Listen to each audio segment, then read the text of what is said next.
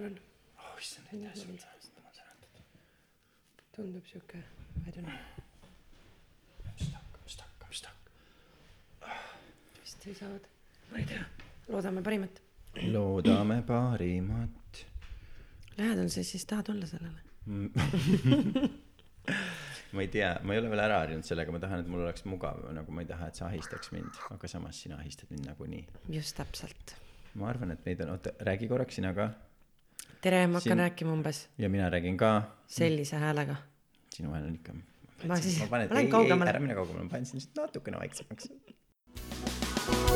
nii hea on olla Jumala laps, nii hea, et isa armastab mind, nii hea, et Jeesus on minu vend ja isa valitseb taevast ja maad, nii hea on olla. tere, tere, Laura. Tere, Sess. palju õnne sulle, ilusat uut hooaega. ilusat uut hooaega, terviseks, terve suvi on möödas ja ah,. ja mina ei taha veel magama jääda.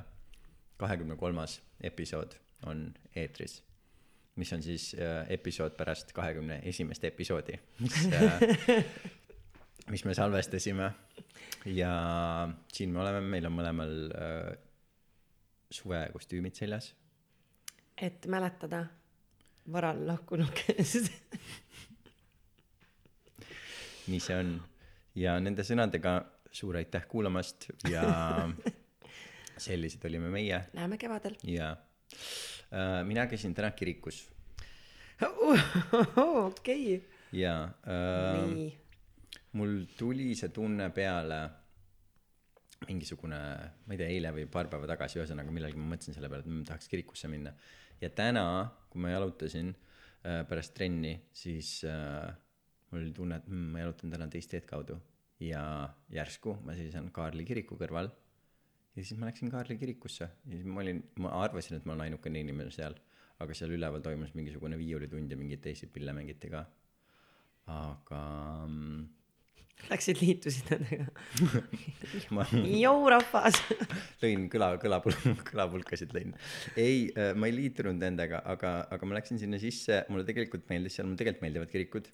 aga mis oli naljakas, oli lihtsalt see, et seal olid järjest siis nagu kõige esimene asi, mis sa näed, kui sa sisse astud, oli siis siukene arvuti ja see makseterminal, et sa saaksid kaardiga. kirikusse saab annetada nüüd kaardiga. kaardiga, eks ole wow., täpp-täpp ja jumal ütleb aitäh ja. indulgents põhimõtteliselt. täpselt. Ja seal kõrval kohe oli siukene kõige aga kas seal kõrval on hinnakiri, et mi-, mi-, noh, et mis see level ja Jah, et- ei kusjuures sest see sest see ei ole pattude eest. See on see on nüüd koguduse liikmetele. Ma kui lugesin kogu selle reeglistiku läbi siis on eks ole on seal koguduse liikmed. Koguduse liikmed on kõik kes on käinud leeris või siis täisõiguslikud koguduse liik- liikmed on need kes on käinud leeris ja kes mm -hmm. siis maksavad iga aasta kirikule ähm, toetust ja mm -hmm. toetus siis võiks olla üks protsent aastapalgast ja okay. see et kas see on ennemakse või pärastmakse noh, aga sul ei ole palka, sa ei pea midagi maksma no sellepärast ma ei maksanudki midagi, sellepärast ma käisingi lihtsalt uurimas ähm,. et äh,, et ühesõnaga see on, kuidas maksmisega on, ma arvan, et seal saab, kui sa ei ole liige, siis kui sa tuled välismaalt, sa saad ka lihtsalt niisama annetada neile, aga uh -huh. mina ei tulnud välismaalt ja mul ei ole palka.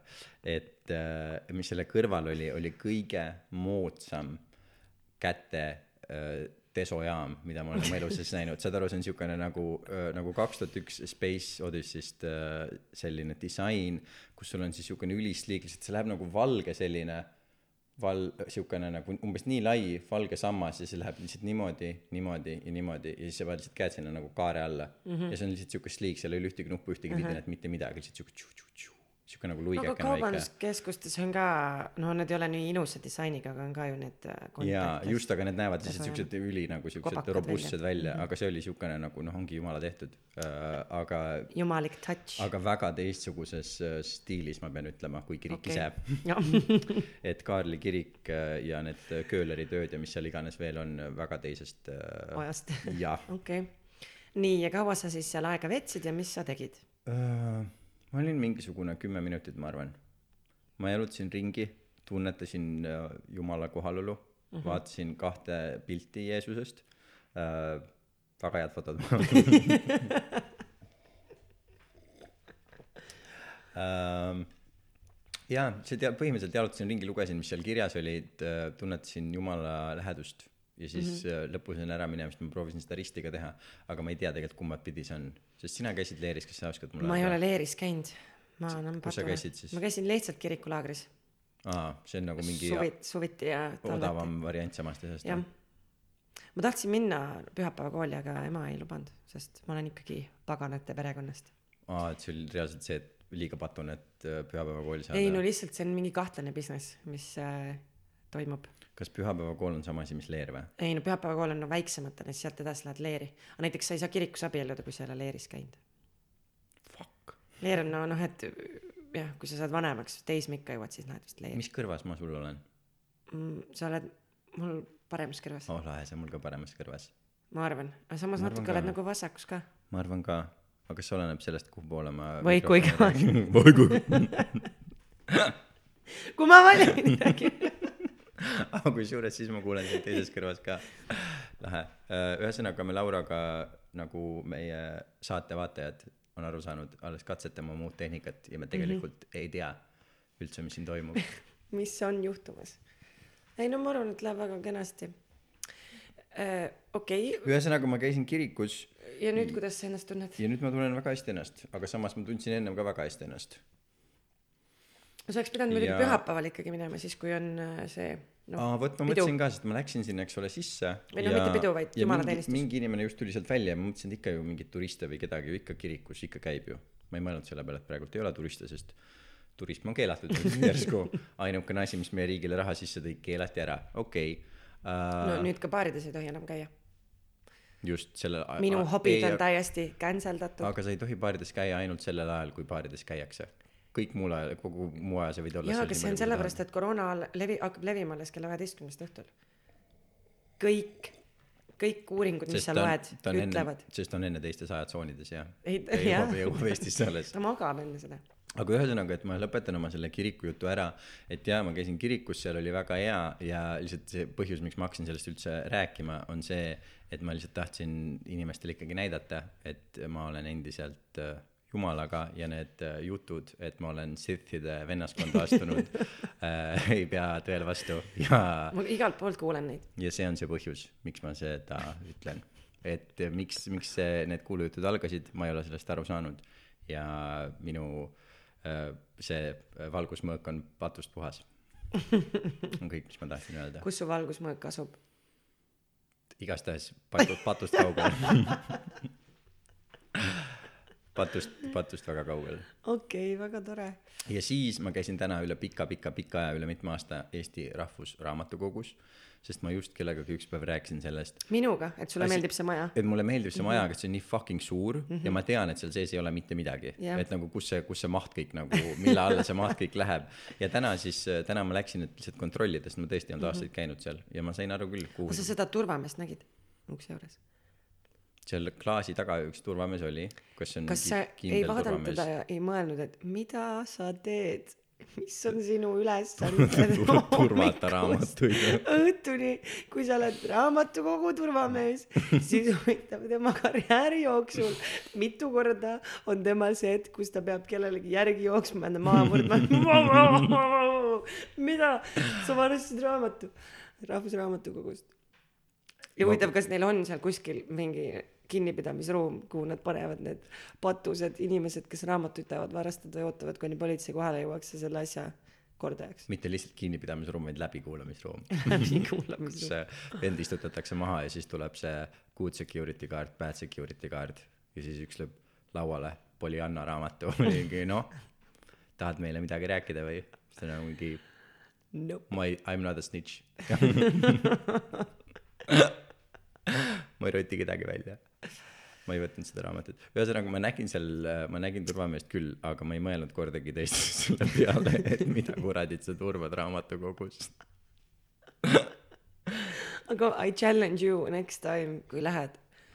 Pane üks raamat põue ja vaata mis saab. Ja ma saan kahe kuu pärast kirja et vabandust teie raamatul on aega nüüd eelmisel neljapäeval oleksite pidanud tagasi tooma. Ma ju äh, siinsamas äh, meie stuudio kõrval asuvas äh, Arsenali Selveris. Äh, ma olen seda juttu võib-olla rääkinud ka aga et äh, noh, mulle meeldib kasutada seda partnerkaarti, sellepärast et siis ma ei pea seisma järjekorras ega suhtlema inimestega.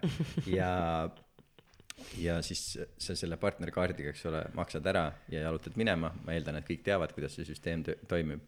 aga ükskord, kui ma tegin seda, siis äh, ma olin juba Arsenali keskusest välja jalutanud ja siis turvamees tuli mulle järgi ütles, et, et, et ei maksnud oma asjade eest. ma ütlesin mingi, maksin küll, siis ta ütles, et ei, et teil ei läinud see nagu makse läbi mm. -hmm. mis ma mõtlesin, et mingi okei okay,, et selge, et ma tulen siis tagasi ja maksan ära ja siis tuli välja, et ma olen neli korda niimoodi või kolm või neli korda niimoodi ära läinud, et ma lihtsalt vaata lööd kaardi läbi jah, ja siis ta ütleb sulle nagu see kassasüst- või see terminal ütleb, et nagu, et kõik on läbi läinud, aga kui mm -hmm. ta tegelikult ei lähe läbi, tegelikult tahab, et sa paneks PIN koodi või midagi, mis iganes mm. -hmm. aga sul on siuke tunne, et see nagu piik käis ja kõik on hästi. Aga nad nägid sealt siis ära, et sul on neli korda maksmata. jaa, neil oli kuskil oli, kuskil oli see nii-öelda nagu kõik kirja pandud ja siis ma pidin kõikide nende asjade eest maksma palju sa ära. pidid andma neile raha siis mina ei korraga? tea, mingi üle kümne euro, ma arvan. täitsa. no sest tavaliselt ma käingi mingi üks kord päevas, et ostan mingisugune kuradi puljongit või šokolaadi või mis Mm. iganes, ma ostan sealt, et see ei olnud nagu nüüd mingi nelja kuu sisseostud Okei. vot sellepärast ma ütlen inimestele, ärge ostke palju asju kogu aeg ette endale, nagu mingi terve nädala toit või terve kuu toit, sest siis kogemata ei lähe see läbi, te mõtlete, et teil on nii palju raha ja siis tuleb välja, et te olete kaks tuhat kuussada eurot Selverile võlgu. jah. mul just üks päev tuli arve kindlustuse eest ja ma mäletan tegelikult noh, mul oli võimalus maksta see kõik korraga ära mõni aeg tagasi. mõtlesin, et noh, ma ei hakka maksma, ma maksan osadena. ja mul tuli väga halva üllatusena, et ma pean sada viiskümmend eurot kindlustusele maksma. ja kindlustus, mille eest? elu. päriselt, sul on elukindlustus Muidugi mul on see elukindlustus. sitt on sul kindlustatud no?. elukindlustus Mm. ja kodukindlustus, need peavad olema, see on kohustuslik okay.. Nendest ei saa loobuda, päriselt või? aga miks ma ei pea maksma nende eest? sest sul ei ole kodulaenu. aa, okei okay,, kui sul on kodulaen, siis sa Jah. pead maksma kindlustust, sellepärast Jah. et siis, kui sa jääd auto alla, siis pank peab ikkagi oma raha saama, sest neil on ju seda nii vähe Just. ja neil ju on, neil on ju vaja seda, Jah. neil on vaja seda pesta, esiteks on ju mm, Mhm. -hmm. ja neil on vaja, et siis kindlustus maksaks neile, kui sa ära sured. Mhm. okei, see on, sest mul ei ole ju lapsi ka, kellele pärandada seda laenu. see on üks, üks nali, mis ma olen kaks korda stand-up'is proovinud, mida ma arvan, et ma rohkem ei proovi. ütle, ütle sina mulle, mis sa arvad sellest naljast. et äh, kui me lapsest saati õpime, et äh, raha on kõige mustem asi maailmas, siis miks me paneme vangi need inimesed, kes seda pesta üritavad? jaa, ma arvan, et forget about it. see on ka see põhjus, miks ma ütlesin, et ma olen kaks korda seda proovinud ja ma arvan, et ma jätan selle. võib-olla seda saab kuidagi edasi arendada, aga praegu see jah, sest mulle see ideena nagu meeldib, see on nii tore idee, aga see peaks olema mingi pikem, pikem, pikem, see peaks olema pikem. sa ütled mulle, et ma peaksin rohkem rääkima, ma võtan seda komplimendina, aitäh sulle. umbes nii jah. mis sulle sellest suvest meelde jääb peale selle, et sul boyfriend on? peale selle, mis head meeldetuletused, praegu läks meelest läinud. sellest suvest, no mulle jär-, järjekordselt jääb meelde üks töine suvi, sai palju tööd tehtud. ehk siis selles mõttes suht igav jutt. okei okay., no me peaksime meie kuulajatele ja vaatajale nüüd ütlema ka, et tegelikult mõtle meie viimane pod-, okei okay,, millal päriselt, millal meie kahekümne esimene podcast, mis oli meie oli ju jaanipäeval. ei olnud ju, no oli ju. mäletad, et ei olnud ju? aa, sa mõtled ma mõtlen mitte see, mis on mõtlen maailma ajaloost kadunud, vaid. just, ma mõtlen seda, mida reaalselt saavad inimesed kuulata. seda ma ei tea. ühesõnaga, see oli ammu aa, no seda küll jah. see oli, kas see oli millalgi karantiin, jaa, millalgi karantiini ajal, ühesõnaga. ühesõnaga, me oleme olnud pikal-pikal äh, suve, suvevaheajal ja põhjus on olnud selles, et äh, me oleme teisi asju teinud ja meie uus stuudio, mida kõik saavad äh, näha, me oleme oma uut stuudiot üles seadnud ja see on võtnud metsikus koguses inimjõudu ja, ja. Aega. jah. igastahes ma jah, ehitasin stuudiot, tegin tööd mm,. väga mm,, nagu kas sa mäletad kas sa mäletad selle tütarlapse nime, kes meile kirja kirjutas? me peaksime me peaksime talle vastama ja Kas- me vastasime talle muidugi me kirja vastasime teel. talle, aga ma mõtlen, kuna ta ei ole meile vastanud, kuna samas kuna ma kirjutasin talle ma hakkasin meie, mõtlema, et võib-olla ta oli purjus, kui ta kirjutas selle kirja. no aga samas, kui ta oli kuueteistaastane, siis ta ei tohi olla purjus. sa tahad öelda, et sa ma ei tea isegi, mis sõnadest sa räägid. okei, tõsi ta on. et äh, aga võib-olla, võib-olla me peaksime kuule lugema selle kirja ette ja siis vastama talle äh, Noh, la- laivis kas su, sinu telefon on selja taga sul aga ära oma neid kõrvasid peast välja tõmba niikaua kui Laura toob oma telefoni need on head pikad need juhtmed vähemalt sa siis saad kaugele minna ühesõnaga suvel meile siis kirjutas meie kolmas fänn äh, kes äh, kes ka millalgi hakkas meie podcast'i kuulama ja ta saatis meile meili ja meil läks väga pikka aega, et sellele meilile vastata. ja üheks põhjuseks oli see, et me tegelikult äh, ei saanud, ütleme siis päris täpselt aru äh,, et mis ta tahtis, kuigi meile tema kiri väga meeldis. kas sa oled leidnud selle? ja ma leidsin, see oli ette? augusti, see oli teisel augustil, kui ta kirjutas. nii aga et poolteist, nagu poolteist kuud tagasi. iga päev tööl, nii et me ei saanudki väga arutada omavahel, et mis me peaks vastama. ja, ja mina olin augustis iga päev vaba, nii et äh, meil mõlemad olid omad omad tegemised, me ei olnud koos me neid kumbki asju ei olnud, tegemas. ühesõnaga me kumbki ei teinud podcast'i, mis on point. jah. hei, hei, hei, ma ei tea, kas eh, teie podcast veel sellist kirja on saanud, aga siit see tuleb. ja vastus on ei, me sellist kirja veel ei olnud meie podcast saanud. esiteks, mina ei taha veel magama jääda, tuli mu ellu ühel aprillikuusel päeval. elu tundus siis juba seisvat ja öösiti oli raske magama jääda. nii läks nii mõnigi osa peale kella kahe, peale kella nii läks nii mõnigi osa peale kella kahe paiku ja uni ei tulnud enne viit.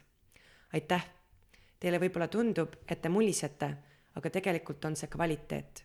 sulgudes ja muigama ajav. info, mida teie sõnadest saab kulda väärt. lisaks mõtlesin, et pakun sellise põneva idee välja ja nüüd aidake aru saada, mis on idee see on see koht, millega meil kõige rohkem on abi tarvis. et ja asi selles mõttes siin on tõesti meis, me lihtsalt, me ei saa aru. Grete, me armastame sind, me küsime abi oma teistelt kuulajatelt. sest me Gretele juba kirjutasime. Gretele juba kuidas kirjutasime ja meie küsimus võib-olla oli juba tema kadunud. jaoks nii loll, et äh, ta loobus. ta loobus. olen hetkel välja andmas enda teist luulekogu, mis on olnud väga põnev protsess. teose sisuliselt käsitlen, teose sisuliselt, teose sisuliselt käsitlen teemasid nagu kohtade koduks kasvatamine, inimeseks kasvamine ja armastuse mõtestamine, kui see üldse vajalik töö on. lisaks olen selle avaldamise protsessis kasvanud rohkem mõtlema noortest ja nende lugemisharjumustest, kirjutamisoskustest ja väljendusigatsusest. kas või miks teie podcast'i teete, mida see annab ja kas see on omamoodi kahekümne esimese sajandi uus kunstivorm. samas see oli küsimus, võib-olla ta küsib meilt seda küsimust ja me oleks pidanud vastama sellele küsimusele. see võib niimoodi olla. mina ka mitu korda lugesin seda, aga ma mõtlesin, et kuna see küsimus on nii äh, keeruline, siis lihtsam on talt küsida, et mis mõtled, kui vastata sellele küsimusele, lootes, et ta äkki selgitab. lootes, et sina, Grete, äkki selgitad. sõnakunsti vorm, kus saab olla aus ja vahetu, jäädes lugejaga siiski veidike lahku. Tahaksin teie, aa, kuule, siin on kirjas ju, tahaksin teie arvamusi nende teemade kohta avastada. ja seda mõttelõnga, mida teisel pool ekraani kuulan ise ka ketrama õppida. nii on see idee mulle südamesse pugenud, võtsin julguse kokku ja kirjutasin, et eks andke teada, pai, Grete. ta tahab meie arvamust teada. Aa, no kas hakkame tahab, rääkima kas ta tahab teada meie arvamust selle kohta, et mis see podcast'i nagu formaat endast kujutab või et kas ta ütles, et tänapäeva kahekümne esimese sajandi kunstivorm, mis äh, Eh, et noortest ja nende lugemisharjumustest, kirjutamisoskustest ja väljendusigatsusest. kas või miks teie podcast'i teete, mida see annab ja kas see on omamoodi kahekümne esimese sajandi uus kunstivorm? no selles mõttes igal matsil on tänapäeval podcast, jah mm. -hmm. tuleb öelda. On. ma okei okay,, ma ütlen ikkagi jällegi ma ja ma ütlen, ma ei süüdista oma Waldorf kooli haridust, kui ma seda ütlen, aga kas sa saaksid mulle inimkeeli esitada selle küsimuse uuesti, et millele ma vastan täpselt? et äh, kas sa arvad, et podcast on kahekümne esimese sajandi uus kunstivorm? see on esimene küsimus, mis ma küsin su käest. ma arvan, et see ei ole kunstivorm, ma arvan, et see on nagu meediavorm, eks ole. See on meediavorm, see on äh, jah, jätka. et ma mõtlen selles mõttes, et nagu, et podcast'i ju ma vahepeal avastasin ka, kuna me jällegi katsetame oma stuudiot, kui ma keeran natukene tooli siiapoole, siis ma saan toetada mugavam. laua peale samal ajal äh, ja, Ja ma olen näoga natukene kaamera kaamera poole täpselt okay.. ma proovin ka siis. et äh, kas see on, oota ja samas tegelikult me saame selle ju liigutada ka niimoodi, et seda ei ole nagu näha kaadris, aga vot tead, see kõik tuleb tulevikus alles äh,. et sa saad podcast'i kasutada selleks, et kunsti edastada, eks ole mm, -hmm. aga see on ju lihtsalt vahend, see on meedium lihtsalt mm, -hmm. et see podcast ise ju ei saa kunstivorm olla, noh, sest on podcast'e, mida kasutatakse selleks, et mis iganes asju teha, nagu mingi Radiolab mm -hmm. või äh, nii edasi, et äh, see on, oleks vastus sellele küsimusele mm, mul Minu on poolt. tunne, et võib-olla on inimestel mingi üleküllus kas muusikast või võib-olla visuaalsest meediast, sest et podcast'e tehakse rohkem, neid ka kuulatakse rohkem kui mõni aeg tagasi, et mi-, mis see põhjus siis on, miks seda tehakse? mul endal on küll tunne, et ma kuulan rohkem podcast'e just selle tõttu, et ma võib-olla ei jaksa vaadata asju mm. -hmm. ja sest noh, kõik äh, asjad, mis muidu toimuvad päriselus, kolivad üle mm, ekraani taha, mingisugused konverentsid ja nii edasi. ja ühtlasi ma tihti, no või no ma olen üldse selline inimene, et mul käib see muusika kuulamine periooditi ja see periood kestab, ütleme mingi kaks kuud ja siis kaks-kolm kuud ma ei jaksa üldse muusikat kuulata mm.. see on nagu mingi, see on liiga palju kaasaelamist minu jaoks mm., ma ei suuda seda kuidagi taustal kuulata, et mulle väga meeldib selline rahulikum tempo, et ma kuulan kedagi jutustamas. Aga kas sul on niimoodi ka, et kui sa kuulad palju muusikat ja siis ei kuula, siis sellel ajal, kui sa ei kuula, sa ikka nagu mäletad neid laule nagu need mängivad sul peas? veits küll jah. jaa, mul on ainult vii-, terve viimane nädal olnud niimoodi, sellepärast et ma kuulsin eelmisel pühapäeval fantastilist laulu George Michaelilt mille nimi on Father Figure ja ma olen lihtsalt iga päev seda kuulanud nii mitu korda, et eilsest või üleeilsest mul, eilsest vist viskas see lihtsalt mul niimoodi, ma ei, ma ei saa seda kuulata enam, aga see, ma siiamaani kogu aeg kuulan seda oma peas. Aga või ma ei tea, mis mis sa arvad, mis see muu põhjus võib olla, et podcast'ide popul-, või see on lihtsalt see, et kogu nagu, kogu tehnika ja edastusplatvormid on läinud niivõrd palju lihtsamaks ja kättesaadavamaks, et sellepärast neid tehakse rohkem. ja meile lihtsalt tundub, et neid ka kuulatakse rohkem, võib-olla tegelikult ei kuulata, aga lihtsalt nii paljudel inimestel on enda podcast. ja oo meil äh, kõikidele vaatajatele meil sai äh, äh, see mälukaart sai kaameras täis sellepärast et eile ma tõstsin küll pildid ümber aga ma täna avastasin et ma unustasin videod ümber tõsta no aga mul on ju mälukaarte kaasas veelgi. kas tahad visata selle kohe sinna sisse või jaa, aga saan siia panna äh, pausi siis äh, samal pane paus jah Jah. Boom. nii kas see rekib kas kuuled mind kuulen sind väga hästi. oota ma istun maha oh. Oh. kui meie mälukaart sai ootamatult täis. Ähm,, rääkisime, minu arust sa ei vastanud mu küsimusele, et mis sa arvad, et kas see podcast'ide menukus, see on reaalselt peeglis nüüd seekord tõesti. Mm, -hmm. mida see tähendab kõik? Ma ei tea, see on see running on NTSC, mis samas ju kõlab nagu see NCIS, võib-olla me oleme telesaates hoopis, wow. think about it, no use the brain power uh, ühesõnaga me vabandame ka tehniliste viperuste pärast sest meil on täna alles äh, testimispäev ja Testsaade. kõik meie uh, TV3 plussist vaatajad näevad ka seda et uh, kui te maksate meile viis eurot, siis te saate näha enne teisi seda salvestust. me saadame Dropboxi linki.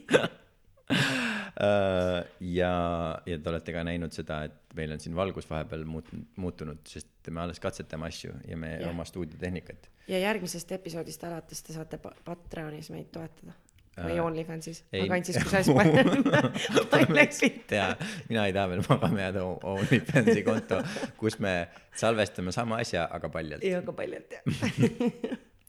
uh,. mis oli küsimus, mis sa ennem küsisid, millele ma ei vastanud? Et äh, mis sina arvad, millest on tingitud podcast'ide, Ah, edukus. et populaarsus pigem ma ütleks mm.. et No- kas see on see üleküllusus, mida ma pakkusin või lihtsalt sellepärast, et tehnika on palju kättesaadavam ja inimestel ei ole mitte munnigi teha. no ma arvan, et üks põhjus on raudselt see, et tehnika on kättesaadavam, sellepärast et Youtube ja sellised asjad ka ju, kui Jah. sul tekib see võimalus, et sa saad lihtsalt ennast tervele maailmale aga kas sa broadcast ka ida. arvad, et inimest, inimest on mingitest, mitte et ma üldse teaks, palju inimesed vlog'e vaatavad, aga et me oleme tegelikult visuaalsest sisust tüdinud ja see visuaalne sisu on no sa ei saa seda võib-olla ütleme tänaval kõndides või ma ei tea mis iganes sellistes olukordades äh, tarbida et siis pigem inimesed kuulavad podcast'e ma arvan, et see on üks põhjus ka jaa, sellepärast et seesama asi, mis sa ennem ütlesid, mulle ka ikkagi meeldib ju tänaval jalutada, kuulata, mõnus, sa saad igasuguseid teisi asju teha, sa ei pea keskenduma millelegi, sul on lihtsalt mm -hmm. kõrvad on häält täis. ei pea omi mõtteid mõtlema see on alati see kuhu poole mina püüdlen. See ja kuhu, kuhu sa ükskord ka jõuad. Tuleb ainult natukene veel pingutada, et jaa, ma arvan, et see on, see on üks põhjustest küll, kas, kas me, kas me Grete küsimusele vastasime? see oligi üks küsimus põhimõtteliselt et kas see on kahekümne esimese see oli alles see oli üks kolmest see Ühesõnaga- lause oli kolmeosaline. et esimene vastus on see, et ei, see ei See ole uus kunstivorm. see on uus meediavorm. Ja ja aga üks asi on ka see, et äh, inimestel on tekkinud, kui eesti keeles võib kasutada niisugust sõna nagu satureeritus äh, lihtsalt äh, peavoolu meediast ja üleküllus. Jah, üleküllus, vot okei okay,, see ongi satureeritus, eks ole Äh, et, et varsti OnlyFans et inimesed tegelikult ka tahavad seda, et sa saad mingisugust nagu midagi autentset ja midagi, mis on päris ja midagi, mis ei ole üle produtseeritud mm., mis on noh, meie podcast'i puhul ilmselge. ja, aa ja me tahame ka tervitada loomulikult ja ka üks põhjustest, mida me ennem ei maininud, et miks me nii kaua aega oleme olnud äh, pausil on sellepärast, et me oleme väga südamesse võtnud tagasisidet, mis on käinud meie halva äh, heli kohta, sest me oleme Jah. kõik ju ikkagi põlve otsas valmis teinud ja lõppude lõpuks äh, see jah, lause lõpp. ma lihtsalt sündisin sellise häälega mina ei saa midagi teha nii küsimuse osa number kaks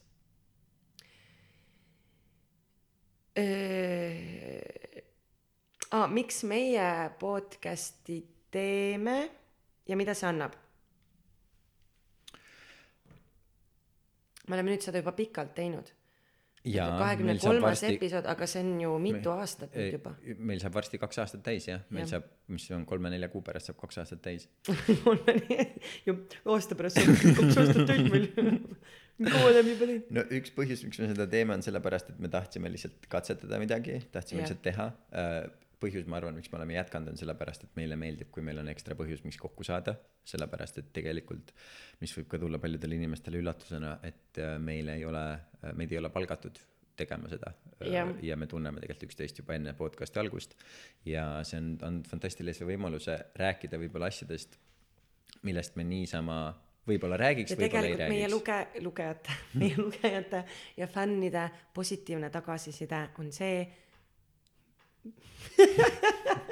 mis on olnud puudulik küll seni, aga me, mis viib meid edasi mida me loodame kunagi saada no mina tean et Jarmo ja Gabriel kuulavad saunas meid mm.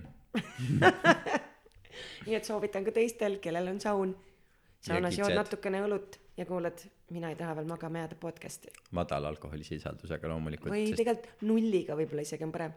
Aa, kuule, kusjuures null longer ja enne kui me läheme Grete selle juurde edasi, ma tahtsin küsida, et kas see kampaania septembris ei joo, et kuidas sul sellega on, osaled või? mul sa oled juba teine inimene see kuu kes mult küsib seda ja see eelmine olukord oli väga ma ütleks pikantne minu jaoks. Jah.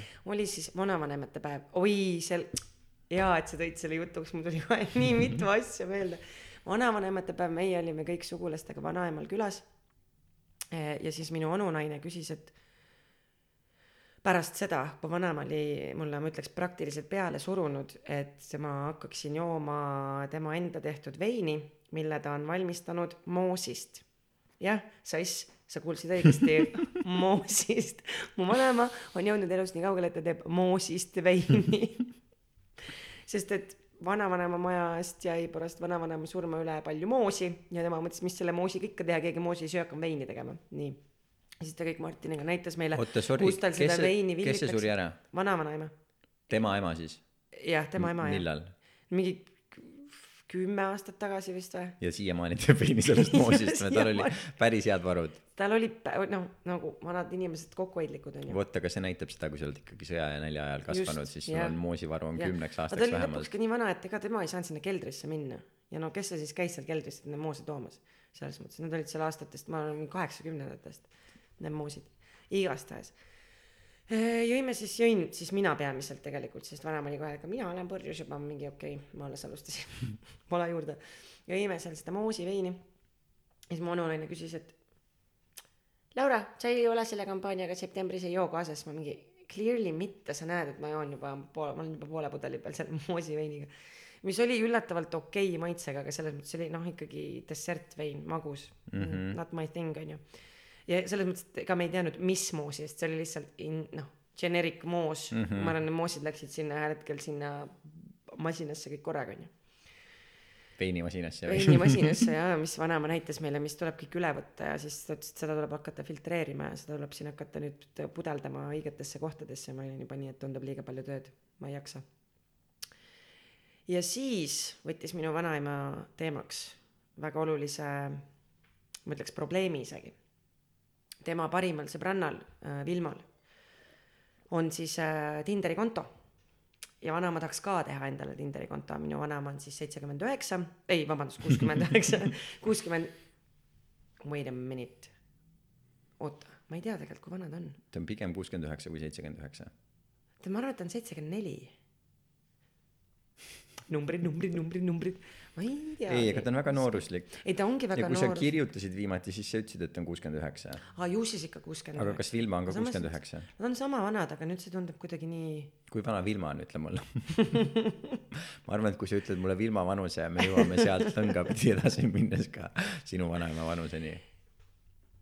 ei, kuuskümmend üheksa tundub loogiline, kui mu isa on nelikümmend kuus.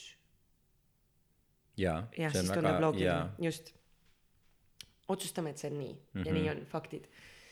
aga Tinder laseb panna sul maksimaalseks vanuseks viiskümmend viis, mida sa näed ja vanaema on väga mures, et ta näeb liiga noori mehi. ta tahaks näha ikkagi nagu vanemaid kui viiekümne viie kas on sihuke asi olemas nagu liiga noor mees? vanaema jaoks on. ehk siis tema palus minu käest, et kas mina saaksin Tinderile, härra Tinderile kirjutada ja öelda, et nad muudaksid selle ära. või siis ta küsis, et kas on olemas ka nagu vanemate inimeste Tinder. välismaal, no USA-s on olemas erinevaid äh, lehekülgi äh,, äppe, platvorme, muud tähtsad sõnad, mis on vanematele inimestele, aga Tinderis siis ei ole, aga Eestis ei kasuta keegi neid teisi platvorme. noh, sest need mehed selles vanuses on ka surnud, nagu me teame. ja ühtlasi ka Nokia kolme, kolmkümne peal on väga raske seda. ja ma üritasin vanemale öelda, et selles mõttes, et need nooremad mehed, sellest ei ole midagi hullu, onju, vaata mu emal on noorem mees, onju. Ja et äh, vanemad mehed ongi kõik surnud, onju, ja vanemal, vanemal on kaks asja, mida ta mehes otsib. et tal oleks autojuhiload, et ta saaks teda viia, et saaks vanema minna kõikidele nendele üritustele, kuhu ta tahab minna ja et tal oleks silmanägemine, et ta saaks selle autoga sõita. sest viimane peika tal jäi pimedaks või noh, nii pimedaks, et ta ei saa enam hästi autoga sõita. vanaema kohe, järgmine on ju. Aga et siit, siit läheb minu jaoks joon. Siit läheb piir., sa oled pime. just, aga nüüd, et ta kardab, et äh, ühesõnaga et mehed on liiga noored. ja pimedad. ühesõnaga äh,, ma ei tea, mis oli sinu küsimus, minu esimene vastus on see, et ma proovisin välja mõelda, et kui, kui on vanematele inimestele, kui on vanematele inimestele Tinder ja mis selle nimi oleks, mul ei tulnud seda pähe, aga ma mõtlesin, et kui tema jaoks on seal ainult nooremad mehed, siis tema jaoks on see ju kinder. Vau, ja, ja sealt, sealt ka mu vastus, vastus lõpeb. et ma, aga ma tõesti, ei, aga selles mõttes, et äh, küsimus oli see, et miks me podcast'i teeme. okei, see oli Grete küsimus jah. oota, aga Vilma, Vilma, Vilma on ka huvitav küsimus, sellepärast et Vilmal on Vilma elab Soomes, tal on palju suurem valik mehi. okei okay,, ma saan aru, aga, aga ühesõnaga, kui tema ütles, et Vilmal on, Vilma Tinderi tegi, Vilma mm -hmm. on sama vana kui tema on et kas siis Vilmal on okei okay viiekümne viie aastaste meestega? Äh, no Vilma tuli välja sellel vanavanemate päeval on ka Kapist välja, kapist välja tal. üsna pirts, et ta ikkagi ei pane nii palju paremale, kui võiks. aga noh, tal on suurem, ta ikkagi seal nagu leiab ka neid vanemaid, sest et äh, vist siis kuidagi. aa, okei okay,, sellepärast, okei okay,, kuule, aga tegelikult, mis ma ju mõtlen, sa ju alla kirjutad, sul on seal kirju No biograafia ja just, see, eks jah. ole, et aga vanaema küsis mu käest ka, et kuule, kas, mis sa, kas ma peaksin sinna panema enda nime ja enda pildid. mingi, aga kuidas sa kavatsed leida selle boyfriend'i, kui sa ei, ma arvan, pane autopildid sinna ja kirjuta Honda. mingid, ma arvan jah, et sa peaksid panema õiged, õiged nagu andmed. Et ma arvan, et see ühesõnaga, et see ei ole jah kõige suurem probleem ja lõppude lõpuks, mis tal kaotada on, et mis äh, ja ma pean mõtleb, talle et ta lihtsalt õpetama, kuidas seda kasutada, ta Jaa. oli natuke mures, et ta hakkab mingeid lollusi tegema. ei, aga ma mõtlen, et ta investeerib, eks ole, mingi aja sinna, et see Tinder endale valmis teha, tema hirm on see, et äkki seal on ainult liiga noored mehed. et ma mõtlen, et see, et mis on see nii-öelda ajakadu, mis tal elus reaalselt on, et kas ta selle aja asemel siis nagu selle Tinderi kasutamise asemel hoopis istutaks rabarbereid või teeks veinimoosi või mis iganes. uus leiutis, veinimoos, mina ei taha veel magama jääda, kaks tuhat kakskümmend aastakäik. veinist saab moosi teha, vein on lihtsalt aga ma arvan, et me oleks viimane aeg hakata merch'i tegema ja see võiks olla tegelikult see Veinimoos. moosivein. Veini- veinimoos. mu vanaema juures saame villida. mina arvan, on et me võiks kõik veinist, mina. arvan, et me võiks veinist hakata moosi tegema. mina ütlen lihtsalt vein on lihtsalt moos, mille potentsiaal ei Ah, ole ja siis veel. minu kallis ema sealsamas seltskonnas hakkas rääkima ja, ja siis on erinevad filtreerimis nagu variandid, et siis on nagu, et saad sellest teha kuivema veini ja siis ühel hetkel saad selle alkoholi nagu täiesti välja villida sellest veinist ja siis ma mingi oh, wait a minute, oota, et me hakkame siis sellest, me tegime moosist veini, et sellest veinist teha morssi. ja me nägime, kulutasime hästi palju ressursse, nägime hästi palju vaeva, et jõuda sinnani, et me tegime moosist morssi läbi veini ja vein on lihtsalt vahekäik kellegi jaoks või kas see on lihtsalt vahesamm äh,. aga kui sa ütled, et sa saad selle veini sealt alkoholi täitsa välja filtreerida, siis kuskile jääb see alkohol ka ju. kas siis sul on veini puskar või? ei, kas sul on siis moosi puskar või ja mul on tunne, et mu ema mainis ka neid sõnu, puskar, vahepeal. mm? -hmm. minu arust ta vahepeal lihtsalt ütleb puskar. kui ta ei tea, mida öelda. mina, sina töötad temaga koos, eks sina tead rohkem. jaa, ma tean palju. aga äh, vot ühesõnaga, et ta saab Tinderi, ühesõnaga tehku see Tinder ära, Mhm. vaadaku, kuidas läheb ja no ma pean õpetama, ma pean talle tegema workshopi, kuidas seda tal on, kasutada kas. tal on nutitelefon jaa, muidugi. tal on juba mitmes. jaa, muidugi. tal on Facebook, tal on Instagram, tal on kõik asjad olemas. Tegime- tal on email. meie tegime eile õunamahla ema juures ja siis äh, tädi tahtis, et vanaema käiks autos ja tooks midagi. Ja siis ja siis andis talle autovõtmed äh,, siis ütles, mis ta peab tooma ja siis vanaema hakkas minema ja siis ta küsis, et kas sa tead, milline auto on? ei tea. siis ta ütles, kas tead, kuidas auto lahti käib? ei tea, aga proovin. nii sümpaatne. jaa, see oli nii tore sihuke elujaatav mm, mm. -hmm, ma ütleks. Mhm. täpselt, ei saa aru, aga lähen ja no proovin. vot minu jaoks kogu see Tinderi vestlus oli ka selline elujaatav kogemus mm. -hmm. nagu tõesti, vanus on tõesti ainult number ja ka palju muud. ja ka palju muud. okei okay,, mis, mis Grete number kaks küsimus oli? kui number kolm siis, üks oli see, et miks te. aa, ja me vastasime ära, kas sina vastasid ka, miks me teeme või sul on samad vastused, mis mul põhimõtteliselt äh,. miks, ahah, miks teie podcast'i teete ehm,? nojah, eks ta ole kuidagi nii, et me oleme nagu jäänud tegema, onju jaa, ehm,. ma arvan, et me oleme ikkagi kogu selle rännaku jooksul arenenud edasi, onju. Samm-sammult me oleme kuidagi, alustasime võib-olla ainult telefoniga, onju, siis leidsime mingi Zoom'i.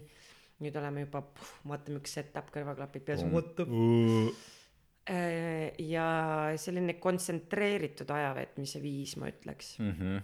et natukene rohkem mõtled, mida ütled mm, -hmm. kui tavapäraselt, aga hästi natukene. hästi kaks protsenti. Ja ma arvan, et võib-olla mingil hetkel on see väga tore tagasivaade. võib-olla mingi, võib-olla toredam kui mingid fotod või, või midagi muud sellele ajale, mis on olnud. jällegi appi, kui tore, mõtle, sest kui me oleme kunagi, ma ei tea, igivanad, kolmkümmend viis, nelikümmend. Ja sa mõtled oma elule tagasi ja siis sul on see valik, et sa otsid üles kuskilt selle kõvaketta, siis sa pead leidma mingisuguse arvuti, mis selles tulevikus seda kõvakettast kuidagi oskab lugeda.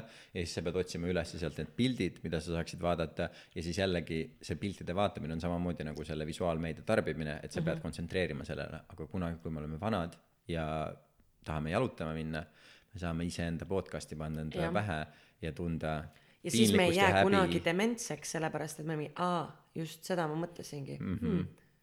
väga huvitav, me ei jää kunagi dementseks uh,. sellepärast me joome ka punast veini.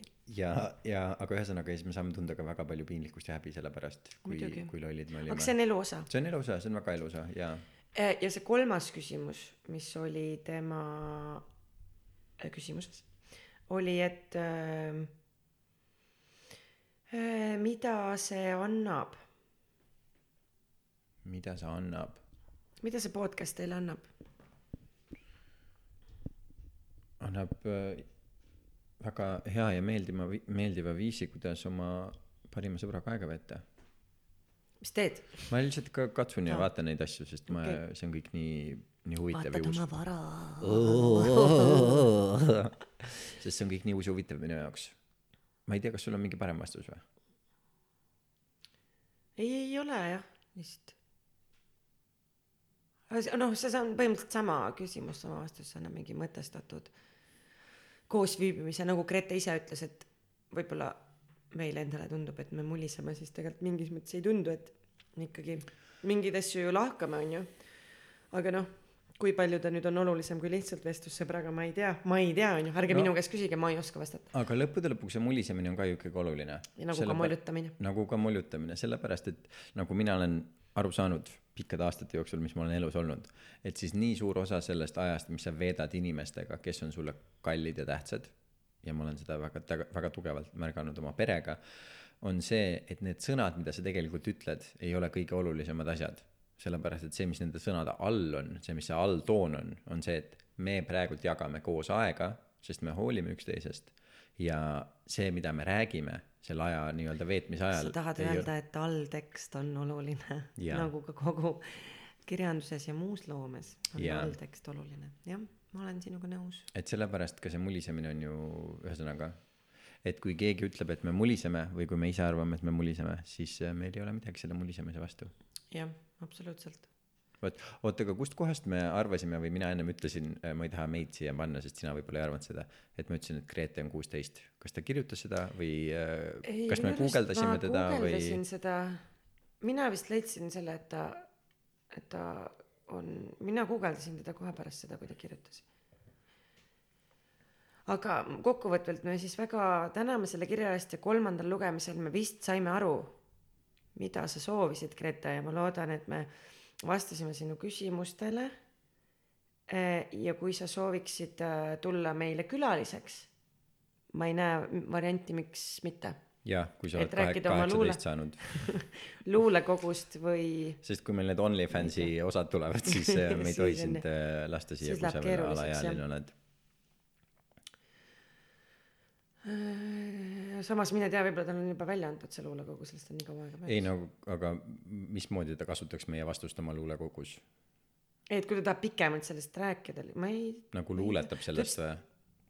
podcast, jõu-jõu, see podcast ei ole ei no ta võib-olla sellest ega see ei ole nii üks-ühele see on ikkagi ju sa koondad mingid kui ma ma ei tea teen mingit filmi või midagi siis ma samamoodi ju teen taustatööd uurin selle teema kohta see ei tähenda et ma üks-ühele sinna kui ma kirjutan depressioonist filmi siis ma ei kirjuta sinna tegelastele sõnu suhu et depressioon on ja siis tuleb sinna Vikipeedia tekst.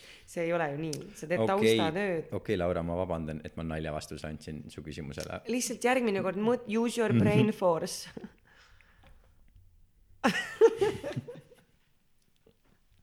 Või siis mitte. Fine.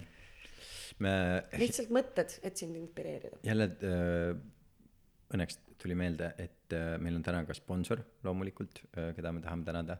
tänane sponsor on Aroniad, kes on äh, köögis, ma unustasin nad siia lauale tuua. mis äh, kihelkonda nad esindavad Mähe, klassikmehe kas see on kihelkond või?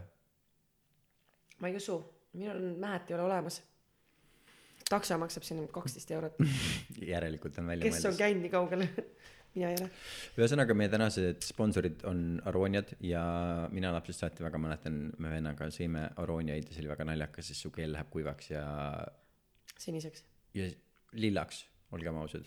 noh potato potato Potato potato, aga öö, sinu, kuidas on sinu suhted Aroniatega? ja meil oli ka ja Türi ma ei taha aroonilisi vastuseid. Türil oli suur-suur Aroonia põõsas festival. Aroonia põõsas maja, maja kõrval, aga kuna ma olen seal kogu selle Türi perioodiga kahjuks ähm, ainult väga negatiivsed äh, mälestused, mul on selles mõttes sellest väga kahju, et ma saan aru, et mu emal võib-olla ei ole ja mu tädidel ei ole ja mu sugulasel Jürgenil ei ole, siis mul on tõesti nagu väga-väga meeles see kui väga kohutav aeg. siis ka need Arooniad on saanud sellise väga kibeda maigu minu mälestustes, nagu ka kõik sõstralised. kõik sõstralised või kõik? sõstralised. see kõlab, mustad, punased, valged. kõlab ksenofoobselt, ma ütlen ausalt, aga olgu see nii. nagu mu naaber, kes tuli üks päev küsima, kus ta punaste juustega somaallane on. ja siis ma olin täpselt samasuguse näoga, mõtlesin, mis sa räägid. ta ütles, no mu see tänavari punaste härjastega. kollane on hiinlane, kutsus päris, kutsub oma harja somaallaseks. somaallaseks jah. okei okay,, ma sel-, see on üks teema küll, mis ma pean üles võtma uh,. mina siis ühel päeval vaatan aknast välja, õhtu on ja ma näen, et üks Wolt peatub siin uh, ees. siis seal roolis on hoopis hari, Äh, Somaalia hari. roolis jälle jalgratta, jalgrattaroolis või? ei, see jalgrattavolt ja seal on mustanahaline mees nagu ikka ja siis äh, ma näen, noh, seljakott seljas, nii nagu Woltil käib ja ma näen, et hakkab trepist üles tulema, aga ta võtab oma jalgratta kaasa. ja siis ma mõtlen seda, et kas sa tõesti kardad, et keegi varastab su jalgratta praegu tänavalt ära, kui sa, ja et kas nagu see inimene, kellele sa toitu tood, kas ta ei tule sulle ukse peale vastu või et mm, -hmm. aga samas ma tean, et mul elavad siin mingid suht nõrgemat sorti inimesed, et äkki ta mm -hmm. siis viib noh, otse tuppa neile mm -hmm. selle toidu. ja siis äh, üks teine äkki, talt osteti Woldist see jalgratas ka? ahah, ja mis see on siis Hawaii Ekspressi Wolt või äh,? ei, lame. aga ühesõnaga ja siis üks teine päev ma lähen kodust välja ja siis samal ajal, kui mina lähen kodust välja, tuleb seesama meesterahvas, mustanahaline, koos jalgratta ja Wolti seljakoti ja kogu selle kostüümiga majast välja. ja ma mõtlesin, et oh wait a minute, kas sa elad minuga samas majas? ja siis ma küsisin talt ja siis ta ütles jaa. ja ta ütles, et ma küsisin, et kaua sa siin elanud oled, ta ütles kuu aega. Ma küsisin, mis su nimi on, ta ütles Sean. mingi jaa, sure uh,. su nimi ei ole Sean nagu täiesti kindlasti mitte mm. -hmm. nagu noh, sa saad aru, et jaa, aga ta võib vabalt olla teist-kolmandat põlve britt või ameeriklane ei kindlasti, kindlasti mitte. Prantslane Sean. ei, ta oli kuskil, kuulus prantsuse Sean. ei, no ta oli kuskilt, noh, ma ei tea, Keenia, Nigeeria, mis, mis iganes, eks ole, ma ei äh,, mitte et ma. kas sa ütled ka brittidele, kes on mustanahalised, et nad on Keeniast? ei, kindlasti mitte. Igor, kes on Paldiskis sündinud, on täiesti mustanahaline vot, aga Igorit ma tean, Igor on No, väga vahva. Igoriga on okei. Igoriga ma olen üritusi koos teinud. aga, ja tal on vennad ka ju, tal on kaks Muidugi. venda ka, kes on, ta ütles nende nimed ka, neil on nagu mingi Vladimir- a la Olev ja mingi, no mis iganes, neil on nii klassika Eesti nimed ja nad on kõik lihtsalt näevad välja nagu muinasjutust. mis mu jutu point on, on see, et mina elan samas majas Woldi Kulderiga. Woldi kulleriga, kes on mustanahaline ja mul ei ole selle vastu mitte midagi, ma lihtsalt tahan öelda. Aga siis, mis juhtus, oli see, et ma nägin, eks ole, teda, ma tutvusin temaga, tundus väga, väga tore noormees. ja sa ütlesid, näita oma passi, ma ei usu, et su nimi on Sean. näita kohe. ei, ma kutsun Lumumbaks teda. ja aga siis, mis juhtus, oli see, et äh, ma olin teda näinud ja siis ma hakkasin teda igal pool nagu tänava peal kogu aeg päeva jooksul nägema mm. -hmm. ja siis ma mõtlesin nii naljakas, et nagu noh, vaata sa märkad kedagi, sa tunned kellegi ära ja siis sa hakkad teda nägema, sest siis ta on sul registreeritud mingisuguses kohas. Ja siis ma vahepeal kogu aeg nägin teda, kogu aeg lehvitasin talle ja siis ma mingi hetk sain aru, et aa mul on oma ei, elukaaslasega nii. lihtsalt iga päev näen teda oma korteris ja ma mingi, mis sa siin teed? ei, aga siis mul oli see, et ma kogu aeg näen teda, kogu aeg lehvitan talle, aga siis ma mingisugune hetk sain aru, et aa ei, kõik teised Wolti kullerid näevad lihtsalt täpselt samasugused välja nagu oh tema my. god, see on täpselt I m not racist but Mm -hmm. lugu. Aga ei, aga sest ma päriselt mõtlesin seda, et siis see- arvatavasti see ei ole iga kord tema keda ma olen Mhm. näinud. see on teine Sean või John. see on, need on teised Seanid, ühesõnaga. ja siit see lugu lõpeb. mis sa arvad, kas sa kahetsed seda lugu kunagi? ei, okei okay., kirjutage siis meile meilile und ei ole, et gmail.com, mis te arvate Sassi loost? jah, ja ma mainige siis lihtsalt ära hashtag Sean. ma lihtsalt ütlen, et mitte kumbki meist ei loe seda mailbox'i. no saatke ikka. jah, et kui keegi on sinna kirju saatnud ja me ei ole veel vastanud. kusjuures aga huvitav on see, et see Grete saatis mu isiklikule meilile. jaa, sest ta ei tahtnud ilmselgelt minuga rääkida, vaid sinuga ja mina vastasin talle. aga ma, äkki sellepärast ei ole, ma peaks ise vastama talle, et no selles mõttes, et aga ma mõtlen, okei okay,, mu meiliaadressi ei ole muidugi keeruline leida internetist, aga Aga kui ta ta on ikkagi ta- gone from the for kui ta kirjutas, Gone for the extra mile. kui ta kirjutas, et ta on äh, aprillist hakkas seda kuulama, ma eeldan, et siis selle aasta aprillis, kui oli karantiin, kus tal ei olnud midagi teha, sellepärast ütles ka, et õhtul mingi masendus või hirm või mainis mingit siukest sõna. et siis, kui tal on rohkem tegemist ja kui ta käib ka koolis, sest selles vanuses teised inimesed käisid koolis, mitte nagu mina jah, just, Äh. tahtsin sedasama öelda. et siis võib-olla noh, kes teab, et võib-olla ta on juba üle saanud meist, võib-olla tal on Aa, suva, võib-olla noore inimesena vaata, sul on mingi periood, mingi asi meeldib ja siis järsku ei meeldi. ma tahtsin tulla tagasi selle Sean'i juurde korraks, sellepärast et kõik need rassismisüüdistused, mitte et nad väsitaksid mind, need on kõik alati väga südantsoogendavad, kui keegi süüdistab rassismis, sa oled vist päris palju neid saanud jah? ma, jaa, sa oled ikkagi sihuke Instagrami influ- influencer, ma saan aru.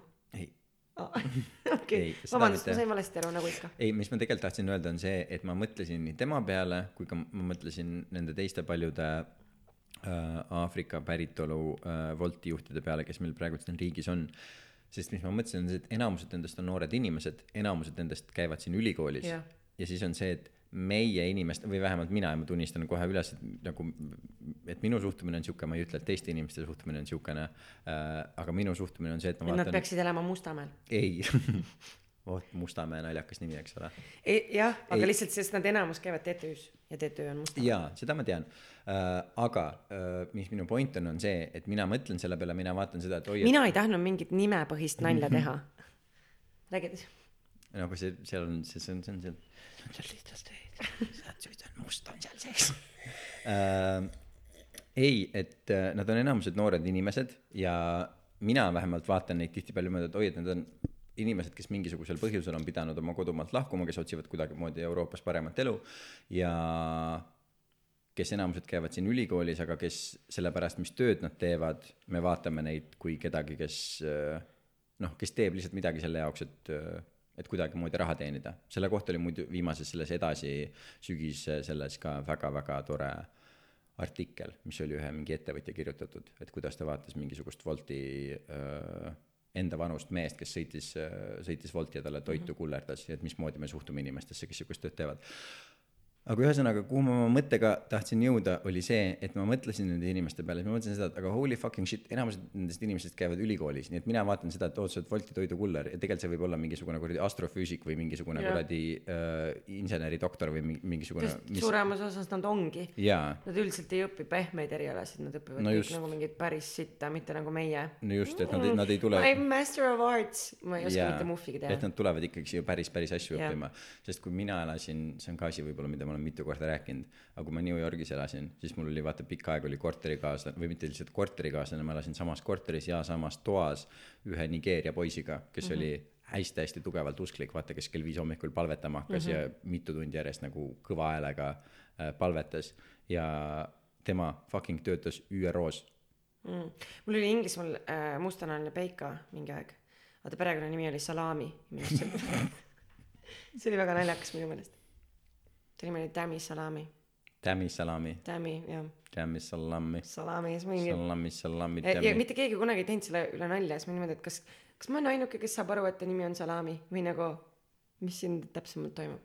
aga kas see on itaallaste suhtes rassistlik, vot kuna keegi, noh, ühesõnaga kui ta, see ei tulnud teemaks no,, a la see, ei tulnud teemaks mitte kui sul kunagi. Eestis elab itaallane, kas sa siis ütleksid, et aa, ta peaks elama no mõtle, sa ei tea Eestis mitte. kedagi, kelle nimi oleks mingi äh, Martin Vorst. Kas tead? ei tea, jaa, vähe on siukseid. väga vähe. aga on null., aga on inimesi, kelle perekonnanimi on Pede. kas on? jaa, on. okei, issand, see on nii lapsik nali, aga. ja ma tean mitut. inimest, kelle perekonnanimi on Mõrd. mõrd, issand kui lahe, vot see on siuke seksikas. see on suht siuke jah, siuke, et mul. aga võiks olla näiteks mingi strippari nimi võiks olla eesnimi, Crystal. Crystal Mõrd. Äh, Ameerikas on üks äh, Youtube'i põhine uudistesaade, mille nimi on The Hill. ja seal ühe saatejuhi nimi on Crystal Ball, samas see on veits nagu siuke selgeltnägijate tuleproov aga ta on uudisteankur. mm,. ta peaks vahetama saadet. kirjutame. mul oli äh, mingi väga oluline küsimus, mille ma muidugi ära unustasin kui sina olid kuusteist, kas sul oli juba esimene luulekogu välja antud? mm,. tead, kui ma olin kuusteist, ma olin vähe asju teinud elus. tegelikult. luulekogu ma ei olnud välja andnud. kuusteist, oota see on siis üksteist klass. no ma olin känguruvõistlusel olnud oma kooli parim känguruvõistlus. ja see on mm, reaalainete võistlus Okei, okay,. ma- olin etlejate konkurssi võitnud ühel aastal oma koolis, see tähendab nagu ettelugemist siis või? luuletuste lugemist. luuletuste lugemist, okei okay,, sa päriselt võitsid või? võitsin jah, see oli see, see oli, ma arvan, mingi, ma ei tea, neljas või viies klass.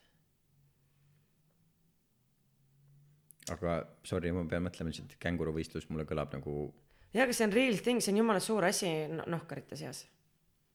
mis ma olin. see on nagu reaalainete võistlus, sa pead erinevaid loogikaülesandeid ja okay, matemaatika ja füüsika ülesandeid lahendama ja ma olin oma kooli kõige parem. lihtsalt kerge küsimus, miks on selle nimi känguruvõistlus? see on nagu känguruhüpe, sa hüppad tulevikku, torš kas ei ole rassistlik kängurude suhtes või Austraalia. või Austraalia suhtes? ma ei tea, ma ei tea täpselt, miks selle nimi on känguruvõistlus, aga see on suur asi. kui sa sealt saad mingi maakondliku preemia, siis sa saad mingi otse ülikooli. ja praegu ma, kõik see, mis ma ütlesin, ma mõtlesin selle välja, aga kas känguruvõistlus on olemas või ei ole olemas?, see on, känguruvõistlus on olemas, ma lihtsalt ei tea, kui noh, vaata, kui sa mingi olümpiaadi, kui sa saad ähm,, kunagi ma tutvusin ühe tüübiga, kes, kui sa saad äh, olümpiaadil riiklikusse vooru, onju, siis saad automaatselt ülikooli. ja keegi läks minu arust mingi religiooni, tal oli koolis religiooniõpe, ta läks religiooni religiooni olümpiaadile religiooni olümpiaadile ta sai otse, ilmselgelt siis seal käib mingi kaks inimest, onju. ta sai sinna vabariiklikusse vooru, ehk siis ta sai otse ülikooli. ja ma ei mäleta, kes see inimene on, kui ta peaks kuulama meie podcast'i, siis ta võiks kirjutada mulle ja ennast meelde tuletada. Siis ta sai otse ülikooli. ja ta mulle, ütleski, et tema eesmärk elus on teha võimalikult vähe ja see oli üks nendest viisidest. ehk siis sa ei pea katseid tegema, et ülikooli sisse saada, kui sa saad sinna olümpiaadi ta ütles päriselt sulle, et tema üks eesmärkidest on te- teha elus võimalikult vähe. Jah. ta oli inimene, kes õppis religiooni, kes läks religiooni olümpiaadile, mis Jah. kõlab, sorry, nagu sketš mingisugusest äh, tujurikkujast. jah Äh, religiooni olümpiaad. sest et religiooni olümpiaadil sul ilmselgelt see ei ole väga keeruline, sa ei võistle väga paljude inimestega, et jõuda sinna.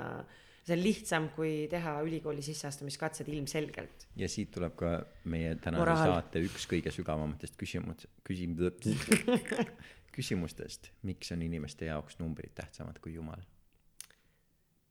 nii jah, on olla jumala laps. jah, miks on pehmed erialad ja nagu mitte nii pehmed erialad on ju. no aga religioon ei ole üldse pehme ju, religioon on no suht religioon nagu nagu väga hardcore. paljud koolid ei õpeta religiooni, minu üheski neljast koolist, kus ma käisin, ei õpetatud religiooni. Ma ei oli- oleks saanud sinna olümpiaadile minna. minul oli aga tegelikult vist oleks. seitsmes, kaheksas, üheksas klass vist oli religiooniõpe ma tean, ei ei olnud päris kool, ma tean, ma tean, ma tean, ma tean. aga ähm, kui me juba religiooni peale jõudsime tagasi, ma ütleks. tagasi, siis äh, appikene, me viimati rääkisime avalikult sellel ajal, kui oli karantiin, ma mäletan, ma ei tea, karantiini esimese paari või nädala või paari nagu esimese kuu või kahe jooksul me tegime mitu podcast'i kindlasti, ma mäletan. ja see siis kestis tegelikult suht pikalt. jaa, et ma mäletan, ühesõnaga, sest ma tegelikult, ma tahaks natukene mäletada, et millest me siis rääkisime, mul midagi on nagu meeles, aga nüüd on nagu nii pikk aeg olnud vahel, nüüd me oleme nagu noh, mingis mõttes, eks ole, uude reaalsusesse jõudnud. ja, ja samas on ka see, et kuna kõiki inimesi need teemad mingi hetk vaata tüütasid lihtsalt nii fucking ära, keegi ei viitsinud nagu, kui me olime sõpradega koos omaette koos, ma ei tea, stand-up, mis iganes nagu kuskil inimesed ei viitsi enam nendest teemadest rääkida, sest inimesed on jällegi lihtsalt saturatsioon. täpselt saturatsioon, et äh, aga mul on selline tunne, et kui me juba oleme oma nagu pausilt tagasi tulnud ja on kätte jõudnud sügis ja Tanel äh,, Kiik on, eks ole, ta perekonnanimi? Jah, kuna ta ütles, et äh, ükski sünnipäev ei ole väärt seda, et kaksteist inimest on pärast äh, koroonas mm. -hmm. et siis äh, kuidas sa vaatad seda, mis on vahepeal toimunud, kuidas sa vaatad seda, mismoodi inimesed on sellele vastanud, mismoodi me suhtume sellesse ma ei tea, see on selles mõttes veider, et äh, vahepeal seda üldse ei olnud ja siis nüüd ta on nagu tagasi. Suvi oli, eks ole, siukene nagu nagu- seotud temperatuuriga äh, ja et see on seotud ka vist sellega, et ma ei tea äh,, suvel inimesed ongi mingis mõttes ikkagi rohkem eraldatud, et nad on ikkagi pigem ma ei tea, kuigi suvel ju toimuvad ka peod, aga nad on rohkem maal ja nad on rohkem ära, teevad omaette asju, onju. et kuidagi nüüd sügisel see tuleb see teine laine, millest me ju rääkisime, et see ilmselt nagu tuleb ka mm. -hmm. et nüüd ongi nagu tulemas äh, ja mina tunnen üleüldse nagu mul, nagu ma rääkisin selle muusika kuulamisega, nagu mul just kõigega elus on ka uudiste lugemisega see, et äh, ühel hetkel saab see periood läbi, mis on tavaliselt kaks kuud, kus ma suht intensiivselt loen uudiseid ja siis mul on üleküllus sellest pasast, mis seal on.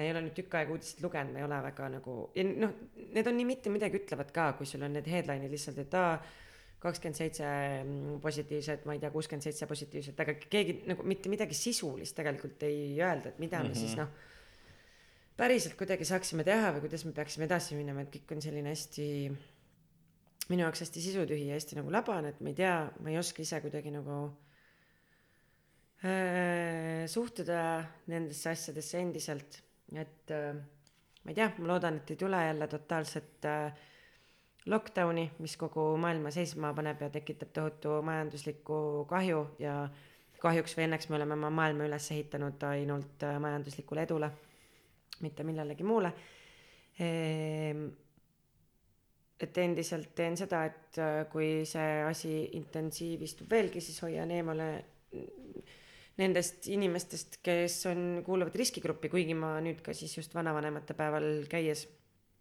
sain aru, et äh, tal on suht suva sellest mm -hmm. kõigest. ja ta pigem nagu tahab inimesi näha, et äh, noh, ma ei tea, ma olen laias laastus samal arvamusel, mis ma olin kevadel mm. -hmm.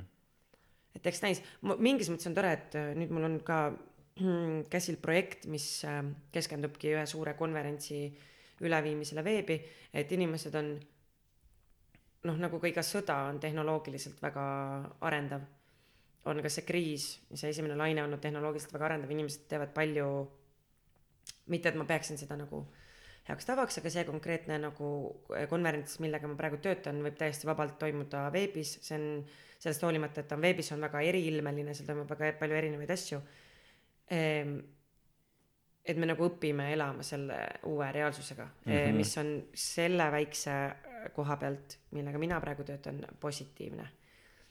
No, et üle... mingis mõttes ka see on selles mõttes üleüldse, üleüldiselt maailma ressursse vähem raiskav, et me ei pea kolmekümnest maailma riigist inimesi siia Eestisse kohale lennutama, et nad saaksid seal nagu konverentsil kohtuda. me pigem mõtleme selle peale, et kuidas me saame luua tehniliselt piisavalt head äh, võimalused nendele äh, key speaker itele Äh, millest üks väike asi on see, et me võime ise neile nagu saja euro eest tellida täiesti adekvaatse mingi Youtuber kit'i, kus on noh, suht basic mikrofon ja webcam on ju mm. -hmm mis noh, on lõppkokkuvõttes soodsam kui nende Hästi siia lennutamine odavam, ja nende majutus on ju, et pigem ma noh, ma ei tea, kuidas see lõpuks paljudele inimestele me neid asju ostame, et palju me nagu asju maailmasse juurde to toodame, et mis see lõpparvutus on, et kumb on keskkonnale nagu säästlikum, kas neid siia edasi-tagasi lennutada ja majutada või osta need asjad. Aga põhimõtteliselt, et me ei pea. no selles no, mõttes, et kui ma. speaker'id on mingis mõttes nagu väga paljudel konverentsidel key speaker'id, ehk mm -hmm. siis mhm. nagu neile jääb see kit alles ja nad saavad nagu. no just no., ma mõtlen ka seda asja, et lennupilet on sul ühekordne, eks just. ole, aga, aga no, et ühesõnaga selle jaoks, et sellest rääkida, ma pean lubama endal nii-öelda mõelda seda, et see on nii-öelda vajalik või et see on sest ma ei ole kindel, et see on yeah., aga ma saan aru, et kui see on nagu see. kui sul on valikud. just, eks ole, kui sul on valik ja kui see on see nagu nii-öelda piirang, mis sul ees on, siis see on tegelikult ju fantastiline mm, -hmm. ongi see nagu väga väike investeering selle jaoks, et saada ja sul see kit, eks ole, kestab aastaid ja aastaid ja aastaid, eks ole, kui sa. just ja ma mõtlen seda, et me saame teha nende online konverentside kvaliteeti paremaks selliste väikeste asjadega mis meile alguses tundus võib-olla kevadel nagu võimatu, et issand jumal, see kõik on nii nagu talumatult halb on seda veebis vaadata ja nii edasi. et me lihtsalt nagu inimene ikka, me kohandume selle ümber, me ei ja. tee neid konverentse ka nii pikaks, me ei tee neid päevi nii pikaks, et see kestab kümme tundi, kui sa ei saa vahepeal mingelida ja mingil coffee break'il käia, et see ülesehitus hakkab olema teistsugune ja lõppkokkuvõttes see kvaliteet nendel videoülekannetel hakkab olema hea, et me noh, me liigume, mul on seda hea meel näha. no see kvaliteet on talumatu siis, kui inimesed ei oska nagu seda teha. sest täpselt samamoodi nagu neid, meie kvaliteet, ma saan aru, praegult ei ole nii hea, kui ta saaks olla, sest see on meil praegult ka väga poolikult tehtud. aga kui üks meist oleks siin lihtsalt üksi ja me võtame nagu kogu selle tehnika maksumise, mis sul on tegelikult vaja selle jaoks, et anda kvaliteetset heli ja sul on ja. ilus pilt on noh, see ongi sada euri reaalselt või nagu mm. noh, tegelikult sa saad selle vähemaga ka. ja üks asi, mis on nagu nii häiriv, on see, et kui sa vaatad mingisuguse kuradi suvalise Youtuberi videosi, sul on seda meeldiv vaadata. see Vakinit mõtled või? see fucking Andrei, sa mõtled või? et sul on meeldiv vaadata seda, sul on meeldiv kuulata seda eestlaste oma tegelikult nii väga mitte, aga välismaalaste omi äh,, omi küll. ja siis sa vaatad nagu reaalselt mingi uudisteülekandeid, kus sul on nagu intervjuu mingisuguse reporteriga või keegi annab mingit, ma ei tea, Yuval Noah äh, Harari, eks ole, annab intervjuud kuradi mingi Late Late show'le. Ja sul on see, et sul on see pilt kole ja sul on see heli halb ja kõik on lihtsalt nii sitasti ja sul on see, et seda on tegelikult nii, see ei maksa absoluutselt mitte sittagi, et seda teha nagu väga ilusalt ja väga meeldivalt nojah, aga seal on väike erinevus, et äh, no kõik siuksed intervjuud ja reportaažid on väga noh, nagu kohe nüüd peab tegema, et sul noh, me saame siin praegu pool tundi sättida neid asju ja vaadata, kuidas välja näeb. et sa ei saa alati, mitte et ma nagu ei, ma ei Ei, taha nende mõtlen- inimeste kaitses jaa, välja astuda, aga ma olen ikkagi ma saan aru, ma saan aru, jaa, jaa, ma saan mõttes teistsugune. jaa, aga me räägime vist kahest erinevast asjast, üks asi on see, kui sa oled kuskil kuradi sõjakoldes ja sa pead mingit reportaaži andma, aga teine asi on see, et kui kõik inimesed on kodus karantiinis neli kuud ja mingisugune saade, võtame see Ah, Late Late nõus, Show, eks ole, mille eelarve on nagu iga episoodi kohta nagu mingisugune miljon dollarit mm -hmm. või nagu kakssada viiskümmend tuhat dollarit, mis iganes. ja sul on see, et sul on intervjuu ühe maailma kõige kuulsama autoriga mm. -hmm. Harariga, eks ole, ja see intervjuu on teil nagu kui sa ütled, et ta on kuulus, ma ei tea, kas ta on., see, kes kirjutas Sapiensi ja Homo Deus ja kõik need raamatud. noh, ma ei oska lugeda. ja no viimase viie aasta üks nagu kõige rohkem loetud autor kindlasti. Et kui sul on sellise inimesega intervjuu, mis on pikk kas kakskümmend minutit, nelikümmend viis minutit, mis iganes. ja sa no teed selle ja sul on see, et sul on vaja reaalselt viis minutit käia Youtube'is, et saada aru, et aa, ma saadan talle need kõrvaklapid, selle mikrofoni ja selle valguse ja Jah. need, Amazon viib need talle tunni ajaga koju kohale ja me saame teha midagi, mis on ilusa kvaliteediga. väga palju, mida ma Eestis, ma mingi koroona ajal läksin üsna endast välja üks äh, ülekanne või tähendab mingi videoreportaaž kellegi kodust, Lenna vist või keegi. Mida tegi, tegi telefoniga, mis on väga okei tegelikult, kui sa oled sellises ruumis. kas tal on? perekonnanimi ka või ei, minu arust ta on Lenna, okei okay.. mina ei tea, ta on nüüd selle Mäesepaga semmib, kas ta on nüüd Lenna Mäesepp, või on Lenna What, What are you, mulle Mäesepp sobib. Lenna Vanilla Ninja. Lenna ei, ühesõnaga Lennaga ähm,, mida tegi, tegi telefoniga, mis on väga okei, kui sa oled mingis ruumis, kus sul ei ole väga palju kaja ja on suht okei valgus onju. aga ta hoidis terve, terve selle reportaaži, mis oli suhteliselt pikk, viis-kuus minutit ikka käes. ehk siis kõik nagu värises kaasa ja mõtlesin, et Mhm. no ja see on üks asi on see, et sa te, et teed mingit pikka intervjuud ja tellid kellelegi koju mingisuguse kit'i, millega ta saab anda parema kvaliteedi. teine asi on see, et sa lihtsalt toimetajana räägid läbi, kuule, ära pane oma läpakat niimoodi, et sa filmib sind alt nurka mm. -hmm. tõsta see kõrgemale Aga niimoodi, et see on aga see on ka mingi asi, mida ma näen kogu mingisugusest nagu pane see telefon ükskõik mis asja vastu raamaturiiuli peale, seisa seal ees niimoodi, et sa ei hoia seda käes ja see ei värise nagu see oleks noalaevas mm. -hmm. aga see on üks asi ka, mida ma kogu aeg näen, mida fucking professionaalid teevad, seda, et neil on telefon käes ja nad alt no filmivad jah, see on väga piinlik. see aga see ongi, need. on nii lihtsad asjad, mida tegelikult saate produktsioonitiim peaks lihtsalt üle ütlema mm. -hmm. see ei olegi iseenesestmõistetav mitte kellelegi, see on lihtsalt, see on mingi noh, nüüd selle uue projekti puhul, mis ma teen, on ka, me arutasime seda, et mm, mingi basic guidelines, mis sa annad inimestele, seal on mm -hmm. täpselt see, et noh, sa ei mõtle võib-olla selle peale, sa mõtled oma ettekande peale, mida sa pead mm -hmm. tegema või nendele vastustele, mis sa pead andma, onju. kui sa lähed seda telestuudiosse tegema, sa ei peagi mõtlema sellele, mis nurga alt mm -hmm. sa ei tee seda, seda teevad teised inimesed mm. -hmm. ehk siis tegelikult see režissöör peaks või, või toimetaja peaks ütlema sellele inimesele, et nagu tee see- seda aga ja see see on on- nagu, see on viis punkti ja, põhimõtteliselt, mida see on ta peab super, tegema. super hea koht, kust tulla tagasi selle podcast'ide tegemise juurde ja need teemad, millest me ennem rääkisime seoses Grete kirjaga, on see, et noh, mina kuulan pigem üsna palju podcast'e, eks ole, ja ma tean, et need podcasterid, keda ma kuulan, neil on enamus nagu need, kes teevad vähemalt hästi, on, neil on selline tava, et kui sa oled sihukeses olukorras, kus sa ei saa inimesega kokku saada ja sa pead tegema podcast'i üle võrgu neil on lihtsalt see, et mul on see mingi üks äh, kindel mikrofon, mille ma neile teg-, tegelikult noh, ongi tellin neile Amazonist mm -hmm. selle ja kirjutan neile, kuidas, eks ole, üles sättida ja täpselt needsamad guideline'id, mis sina ütlesid ja see on see asi, vaata, mida et inimesed omaette tehes podcast'e on aru saanud sellest, kuidas mingeid asju teha hästi palju efektiivsemalt ja paremini kui mm -hmm. hiigelsuured kuradi korporatsioonid, kes on nagu viiskümmend aastat te- telet töötanud mm, -hmm. tootnud, tööd-tööd. töötnud jah, kahjuks nii on. või no ma nüüd mõtlengi või loodan veits selle peale, et äh, me oleme õppinud sellest esimesest lainest. ja et see teine laine võib-olla tuleb selles mõttes nagu noh, parem, kui noh, mingis mõttes on mingid asjad on see, et sa saad aru, et rahaliselt ütleme, et ma ei tea, ERR-il ei ole võimalik rahaliselt tellida igale inimesele mingit eh, kit'i, aga siis on võimalik lihtsalt eh, anda need guideline'id, kulleriga saata see kitt kes lä- viib selle inimesele koju ja kes pärast toob selle ära. Mis iganes on võimalik. Aa, selles mõttes, et sa ei osta seda neile päriseks, vaid saadad, jah, absoluutselt. Aga isegi ju- kui on noh, sul ütleme, et sa teed, ma mõtlen siukse saate kontekstis nagu Ringvaade on ju, see on sul viis päeva nädalas eetris, noh, tõesti, see ei ole, see võib, on nagu tõesti võib-olla mahukas, aga sa saad juba anda ka selle guideline'i, et nagu ära hoia seda telefoni käes, noh mm, -hmm. ma ei tea, kasuta kõrvaklappe, sest et see mikker on mm -hmm. nagu sulle lähemal ja see on nagu, sellel on suurem noise cancellation, noh, mingid mm -hmm. sellised asjad mm, -hmm. sa saad juba sellega, sa ei saa nagu mingit TED Talki kvaliteeti, aga sa saad selle juba teha nagu palju talutavamaks. mm. -hmm, absoluutselt. väiksed asjad nagu. see jah, ja samas ka tõesti pigem, kui sa räägime mõtled, meie, kes me oleme kaks aastat teinud seda podcast'i telefoni salvestades. aga kui sa Need on mõt- väiksed asjad jah, mida on nii lihtne teha. Need on nii lihtne teha lihtsalt nagu. aga me lihtsalt ei ole kaks aastat viitsinud seda teha. Aga samas me ei ole ka Eesti Rahvusringhääling. täpselt, meie eelarve ei ole aastas kui mitu Jah. miljonit eurot. sest et keegi Patreonis siiamaani ei ole raha saatnud ja meile ega OnlyFansis. OnlyFans isegi nagu ma oleks oodanud seda Patreonist, ma saan aru, kui ta ei saada, aga OnlyFansis mul nagu mille jaoks Kus ma mille jaoks ma käisin selles äh, Harku järves Äh, ja, ja teine asi on see, et tegelikult, kui sa mõtled Eesti peale, siis pigem igal ajahetkel on Eestis väga-väga-väga palju video, video ja helitehnikat, mis lihtsalt seisab kuskil laos. et miks sa seda arvad? No siis see on niimoodi. faktid, no suust. kasvõi ERR-il või ükskõik kellel teisel, et ühesõnaga, kui te kellegagi no kui on ikka suur üritused, siis selles mõttes on äh, Sellel hetkel kõik asjad väljas. ma jaa okei siis ei ole isegi ühtegi töötajat leida. aga karantiini ajal neid suuri üritusi on No, on, eks okei. ole, vähe.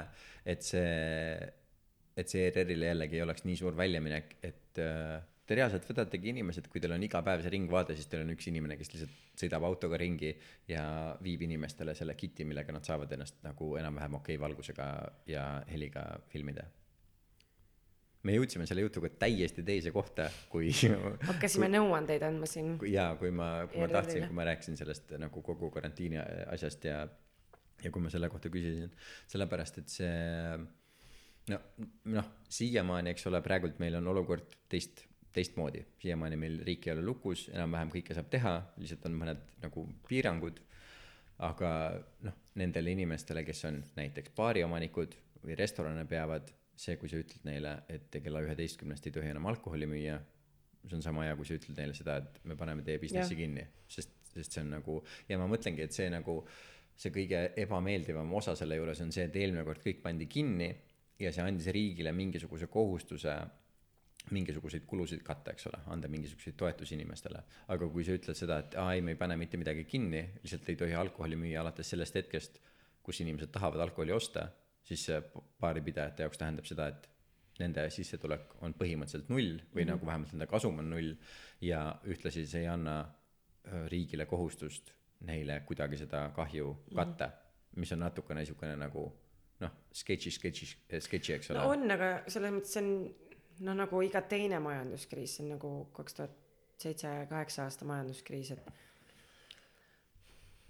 ma, ma selles mõttes, mina ei tea, mida ma, peaks ma, tegema, ma, onju. ma ütlen ka, et ma, ma ei ütlegi seda, et noh, et see ongi lihtsalt sitt olukord, sellepärast et selle juba selle esimese kriisi ajal, eks ole, nii palju, nii paljudel inimestel, nii paljudes erinevates eluvaldkondades, kas see, et inimeste firmad läksid pankrotti, nad pidid oma kodudest välja kolima, noh, mis iganes asjad, eks ole, inimestel juhtusid, et siis need inimesed, kes sellest veel nagu nagu niibin-nabin, niibin-nabin, eks ole, suutsid välja tulla ja suvel kuidagi mingit moodi võib-olla oma elu nagu natukenegi normaalsemaks tagasi saada, siis nüüd neil läheb see jälle nagu perse ja mm, -hmm. ja veel hästi paljudel inimestel ja ma ei ütlegi seda, et nagu, et ma teaks, mis on siin õige või mis on vale no, mingis lihtsalt teatavas mõttes ma oleks tahtnud loota, et äh, inimesed äh, noh, et tekib mingi teatav, no eestlasi üldse majanduslikus mõttes äh, peetakse suht äh, alaarenenuks on ju, eestlastel on väga vähe sääste, eestlastel on väga vähe mm, ettemõtlemisoskust, et mis saab si-, noh, ma ei tea peast neid protsente, need on väga madalad, palju noh, sul peaks olema minimaalselt kolme kuu palk kuskil olemas võtta, kui midagi, mis iganes asi peaks maailmas juhtuma, on ju.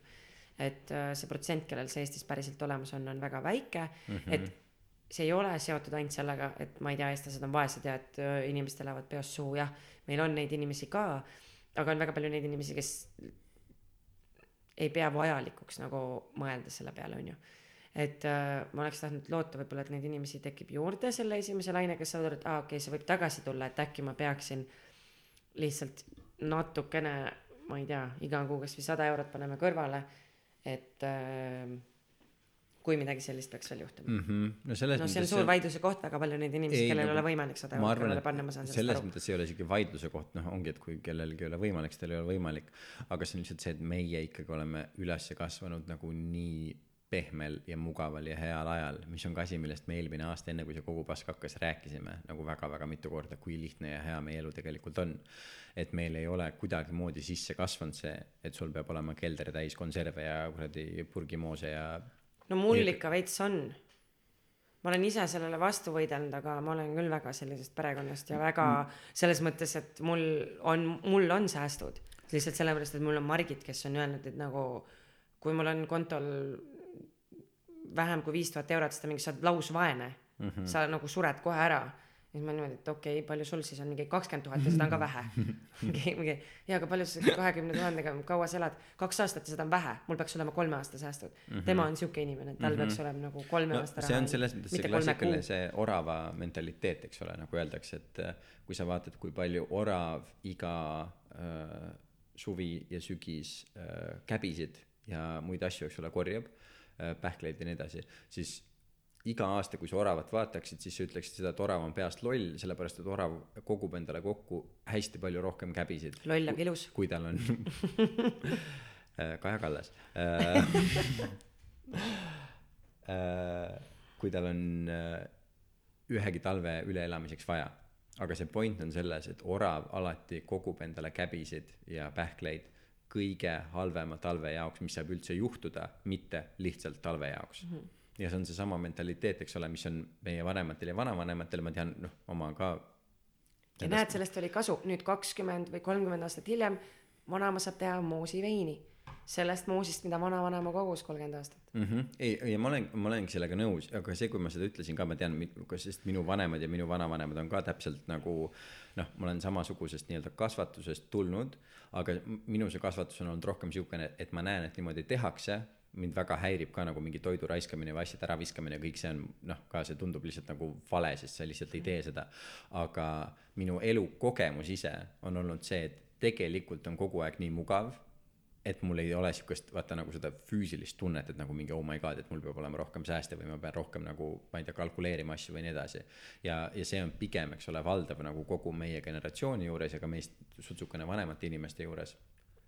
Et see noh, tegelikult elu on lihtsalt kogu aeg nagu nii mugav ja nii lihtne, et me isegi noh, keegi ei tunne, et see on nagu mingisugune reaalne füüsiline reaalsus, et tegelikult mingisugune hetk see kõik nagu pidu võib läbi saada ja siis sa pead tõesti mõtlema selle peale, et kus sa neid konserve leiad.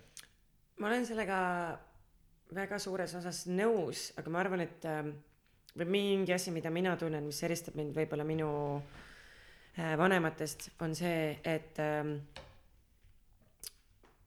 ma kuidagi tunnen, et palju vähemaga saab ära elatud kui see, mis äh, nemad arvavad millega ma arvan, et väga paljud äh, teised meievanused võib-olla nagu nõustuvad, et kui nad lähevad vanemate juurde ja toit on külmkappi täis, siis nende vanemad ütlevad, et issand, midagi pole süüa. et nagu need standardid on selles mõttes erinevad, et ma tunnen seda, et äh, äh me oleme mingis mõttes palju nagu askeetlikumad. okei okay,, ma nüüd saan lihtsalt bash'i pärast kuskilt okei okay,, see võib-olla ei ole päris see õige sõna, aga. aga miks sa, miks sa askeetlikumad sellepärast bash'i või mille pärast bash'i? jah, just, et kuidagi meie oleme harjunud või nagu ma tunnetan ka seda, et minu peres on, kuna ikkagi juurtega nagu sihuke maaperekond, siis äh, selles mõttes äh, peab äh,, esiteks nagu peab palju sööma, sellepärast et nagu mingi rasva peab kehal olema mm,. noh, nagu mingid siuksed hoopis teistsugused nagu noh, lähenemised, sellepärast et on elatud ka üleüldiselt palju kehvemates oludes on ju, ta on olnud mm -hmm. palju külve, külmem toas kui mul meeldis mingi, mul ei ole nii palju rasva vaja, sest tegelikult kakskümmend kraadi on toas kogu aeg sooja, et mind läks nagu see rasv mingit. ei jumal hoias, sa saad kohe mingi kuradi munasarja põletiku, kui sa sealt õue lähed ja sul üldse rasva kehal ei ole. et selles mõttes need standardid on nagu ka erinevad. Okei okay,, ma saan jumala hästi aru, mis sa ütled, me osaliselt katsime seda, nüüd mul tuleb meelde oma kas viimases või eelviimases podcast'is, mis me tegime, kui ma rääkisin pikalt sellest, kuidas äh, nagu nälg mõjutab järgmisi generatsioone ja nii edasi. aga see on jumala äh, hea asi, mis sa ütlesid, sest seesama askeetlik asi, see on osaliselt äh, tõsi, ma olen selle peale fucking sitaks mõelnud viimaste kuude jooksul. Äh, ja meie elame selles mõttes askeetlikult, et meil kellelgi noortel inimestel ei ole sellist tunnet, et meil peab külmkapp olema kogu aeg täis mm. -hmm. meil on, eks ole, see, et noh, nagu minul ka, et ma käin iga päev poes ja ostan seda, mis ma ainult sellel päeval, eks ole, süüa tahan, enam-vähem. ja aga see ei ole ainult meie generatsioon ja see on nüüd hästi keeruline mõte, ma loodan, et ma oskan seda natukenegi edasi anda, sest see on tegelikult hästi-hästi oluline ja see on seesama põhjus, miks see koroonakriis meid niimoodi ründas ja rajalt maha lõi, nagu ta lõi. on see, et see on ka praeguses hetkes meie riigi toimimise äh, süsteem meie äh, arstisüsteem, ma tean, see tundub natukene, et ma räägin nüüd teisest asjast, aga ma räägin täpselt samast asjast tegelikult mm.. põhjus, miks meile öeldi ja miks kõikides riikides öeldi seda, peaaegu kõikides riikides, et miks tuleb lockdown, miks tuleb äh, karantiin, miks kõik asjad peab kinni panema, on sellepärast, et kui meil on mingisugune uus viirus, mis on väga nakkav ja mis potentsiaalselt võib äh, nakatada väga paljusid inimesi, siis on oht, et me koormame üle oma meditsiinisüsteemi. nii, ja mida see tähendab? see tähendab seda, et meie riigis on praegult nii vähe arste, et kui meil on patsiente liiga palju, eks ole, meil on nagu mingi mõni tuhat voodikohta reaalselt, et kui neid patsiente on sellest rohkem, siis inimesed lihtsalt surevad või saavad väga-väga tugevalt mm -hmm. kannatada, sellepärast et meil lihtsalt ei ole äh, arste ega voodikohti selle jaoks, et neid äh, hooldada.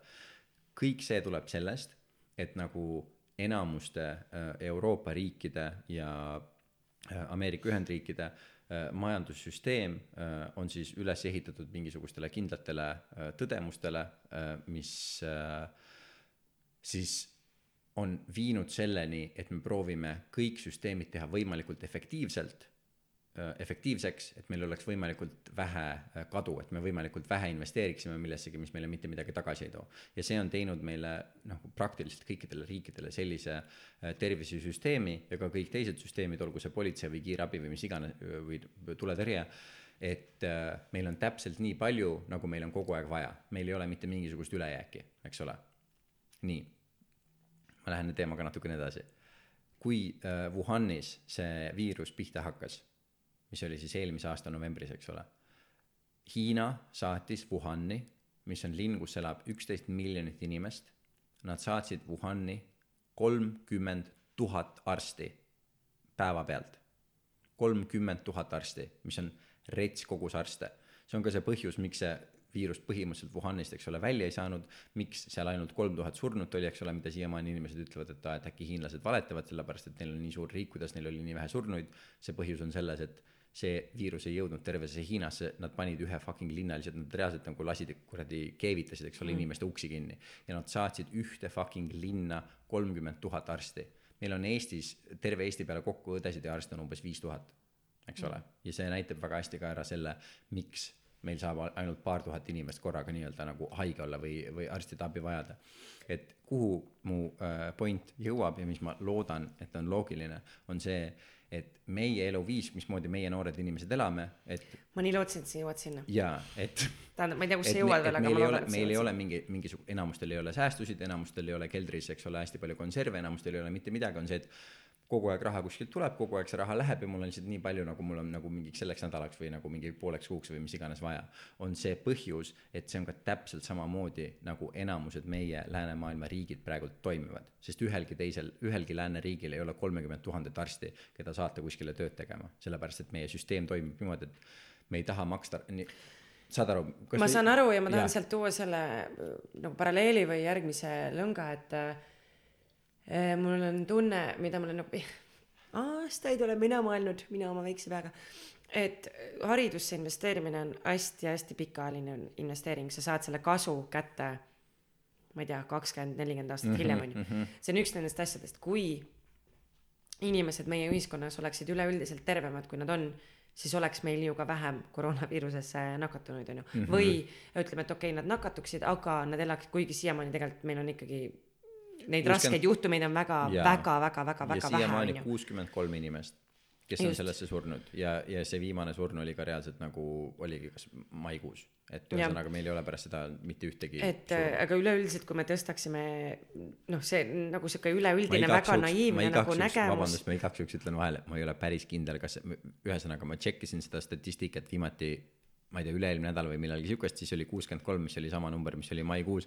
nii et kui on pärast maikuud kedagi äh, surnud, siis ma vabandan, jällegi aga disclaimer, me ei tea tegelikult mitte me ei tea, millest me räägime, aga põhimõtteliselt, jah, räägi Eh, edasi.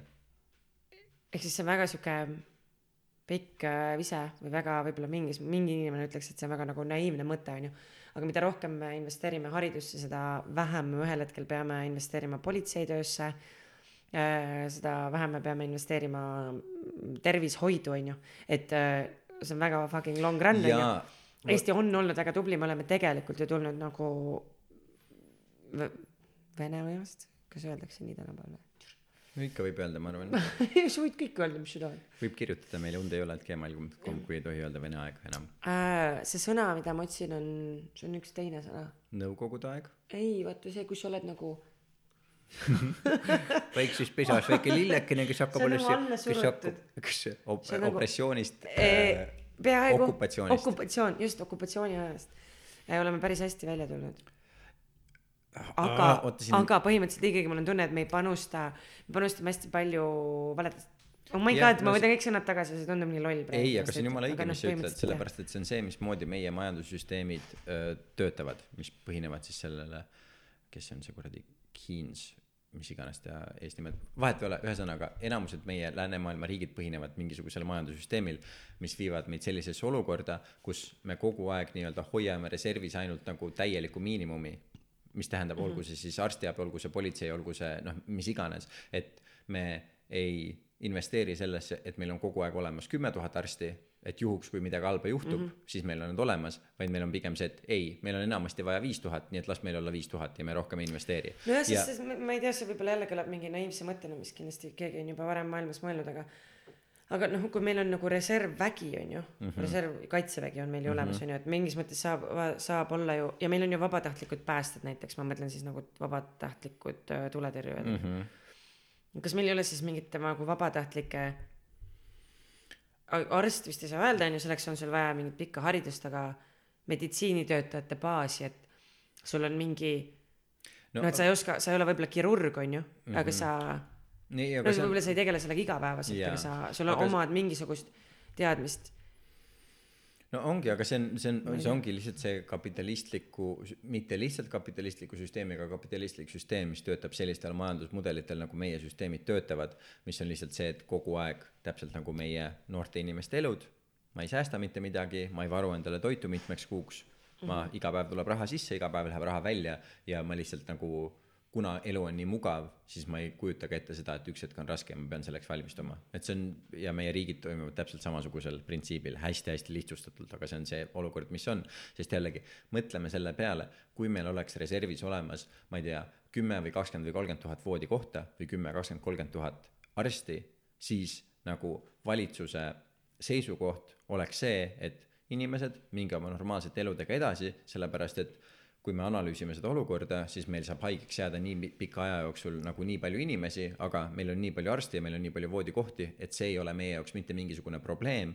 Ja need äh, majanduslikud kahjud, mis tuleks sellest, kui me kõik inimesed sunniksime kodus ja paigal olema, oleksid nii palju suuremad, viiks nii palju rohkema kuradi surma ja vägivalla ja mille iganes muuni, et me pigem tegeleme nende haigusjuhtudega, sest meil on need võimalused olemas, aga praegune olukord on see, et ei, me ei saa mitte mingil juhul lubada seda, et rohkem inimesi jääb haigeks, sellepärast et mis siis juhtub, siis inimesed surevad, siis tuleb välja see, et oot, aga miks inimesed surevad, inimesed surevad sellepärast, et meil ei ole piisavalt palju arste ja meil ei ole piisavalt palju arste sellepärast, et me ei investeeri sellesse, sellepärast et me ei hooli sellest ja siis mm -hmm. saab pähe valitsus ja noh, mitte keegi ei taha pähe saada ja nii edasi, nii edasi, nii edasi ja lõppude lõpuks ja kas kõige selle nagu tuules sa ei arva või no minu jaoks oli nii labane lugeda jälle kas tänast uudist, et EKRE saatis äh, ühereolise koalitsiooni eelnõu siis äh, Riigikokku, kus oli see, et abielu on, see oli lihtsalt nii jabur, ma mõtlesin, et see on päriselt mingi naljauudis äh,. abielu on ühe naise ja ühe mehe vaheline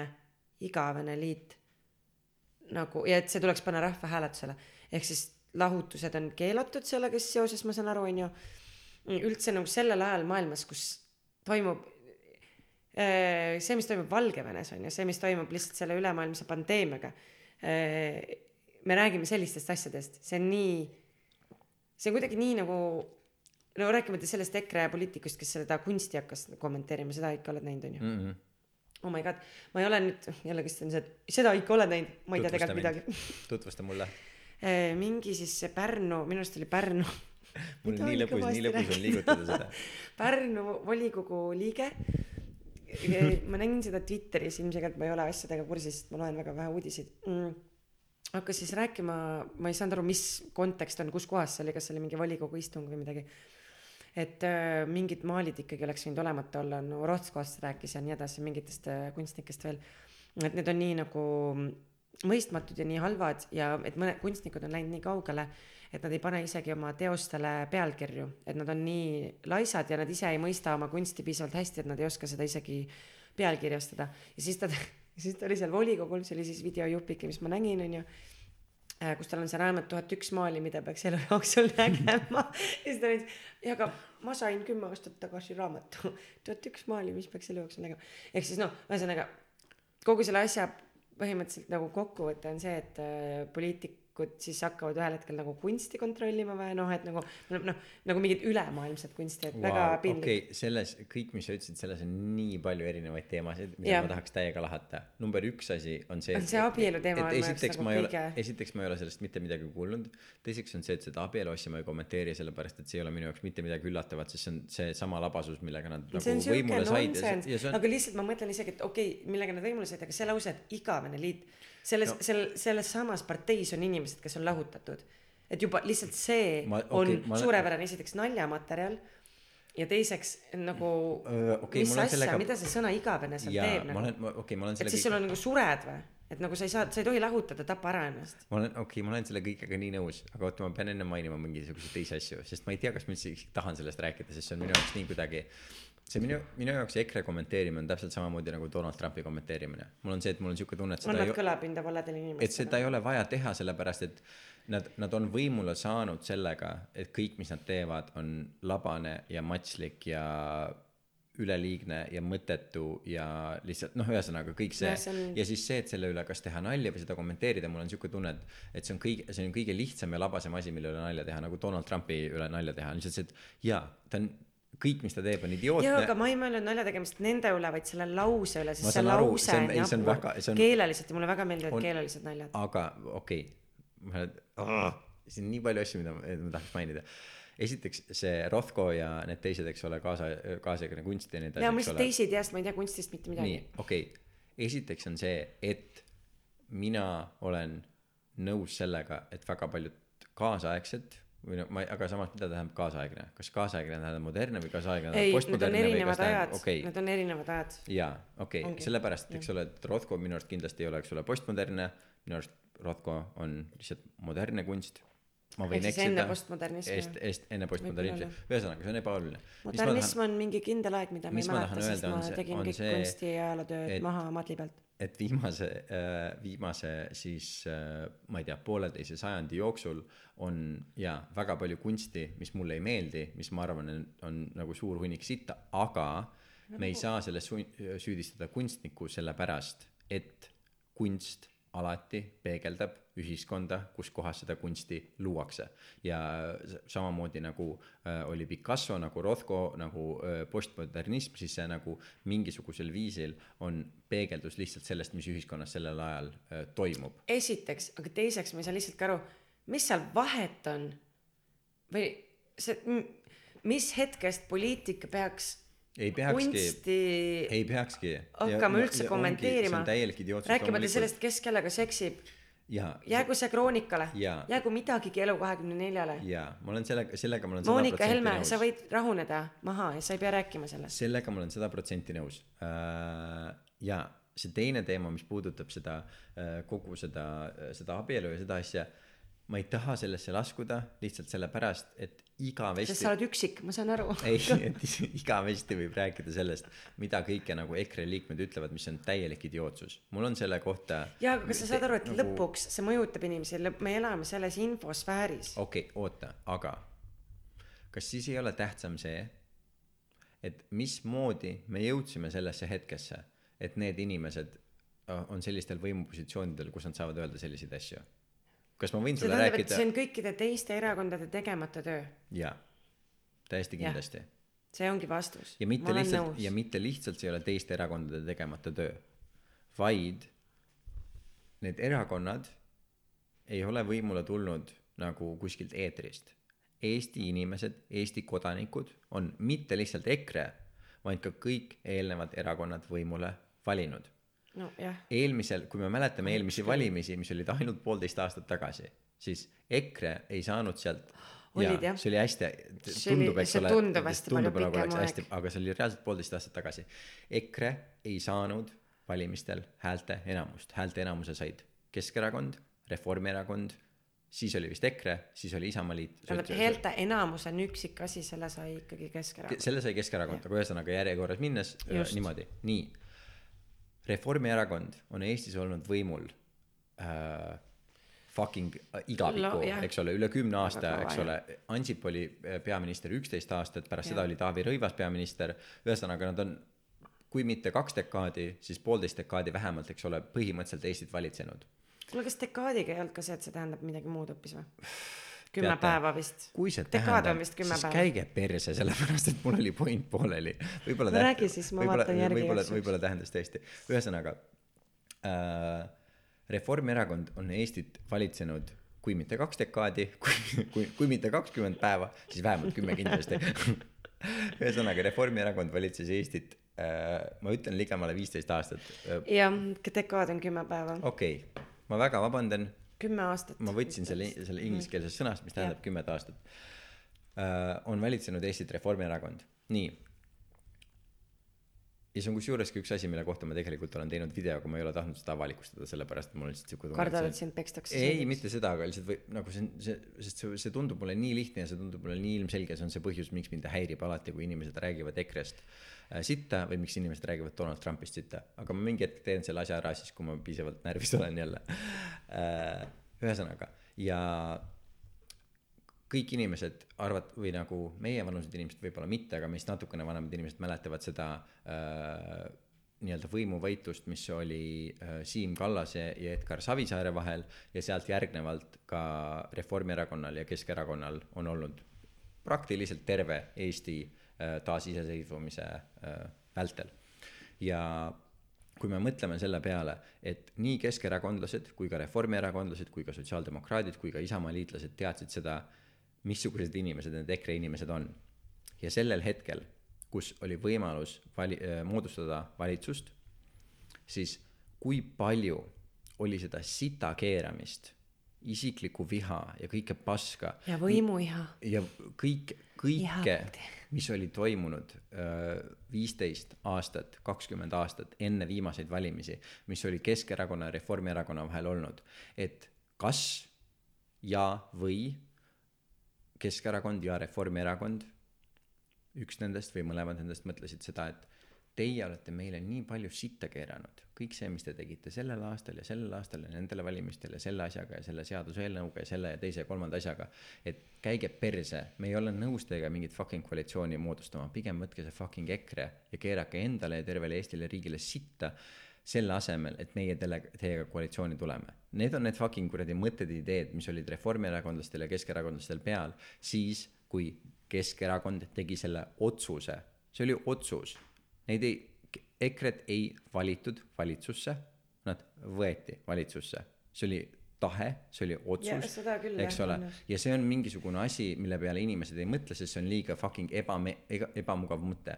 et need fucking parteid, ükskõik, kas sa oled inimene, kes hääletas kogu aeg Reformierakonna poolt, kogu aeg sotsiaaldemokraatide poolt, kogu aeg Keskerakonna poolt, kogu aeg Isamaaliidu poolt, mis iganes partei poolt sina kogu aeg hääletasid, need inimesed olid need, kes otsustasid seda, et fuck, me võtame EKRE sellesse valitsusse. Nad otsustasid, kas, et nad võtavad nemad või et pigem mingu EKRE, kui meie läheme Keskerakonnaga.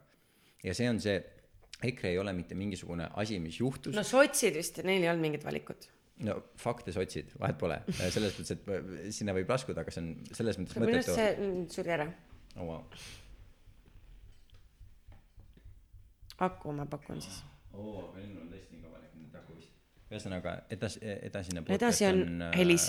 on, on helis. oota, aga äh, vasta nii kaua sina minule ja ma panen nii kaua laadima ta. mis su küsimus oli? mul ei olnud küsimust. aa, ma pean lihtsalt vastama. oota, aga teeme ikkagi siis pausi, sest ma pean minema ühte kohta. oli kogu aeg kustus või, või nüüd on uus? ei, ühesõnaga me olime vahepeal väiksel pausil, inimesed, kes meid videost vaatasid, enam meid ei näe, sellepärast et jällegi ah,. me alles õigus. õpime ja kaamera sai tühjaks. nagu ma panin sinu kõrvaklapid jah, aitäh sulle, kallis sõber. Äh, ühesõnaga, et inimesed, kes meid vaatasid, meid enam ei näe. ja, ja, ja see tähendab ka seda, et meie valgus on, Muutunud. Laura küsis, et äh, sest ma panin meie Mis stuudio on valguse muutunud? kinni ühesõnaga minu eelmise jutu pointiks öö, või lõpetuseks see mis ma rääkisin EKRE kohta on see et see EKRE ei ole mitte kuskilt tulnud see EKRE on ja ma olen nõus sinuga. me ise oleme valinud need inimesed kes on selle EKRE sinna võtnud EKRE ei ole mitte sündmus EKRE on tagajärg aastate ja aastate pikkusele pasa keeramisele ja täpselt sama asi mis juhtus äh, Donald Trumpiga USA-s hästi palju öeldakse seda et Donald noh USA-s öeldakse et Donald Trump on ära rikkunud äh, Barack Obama äh, siis äh, pärandi nii-öelda mm -hmm. eks ole kõik mida tema proovis teha ja minu vastus sellele mida ma olen täiesti kindel et ka teised inimesed on öelnud on see et ei Donald Trump on Barack Obama pärand ja Jah. ja see ja EKRE ei ole mitte mingisugune sündmus. Sest need on need inimesed, kes on jäänud kõrvale nendest erinevatest ja, protsessidest. Ja ja ma olen sinuga, nõus. ja EKRE on pärand kõigele sellele, mis Eesti inimesed ise on fucking otsustanud, ise on valinud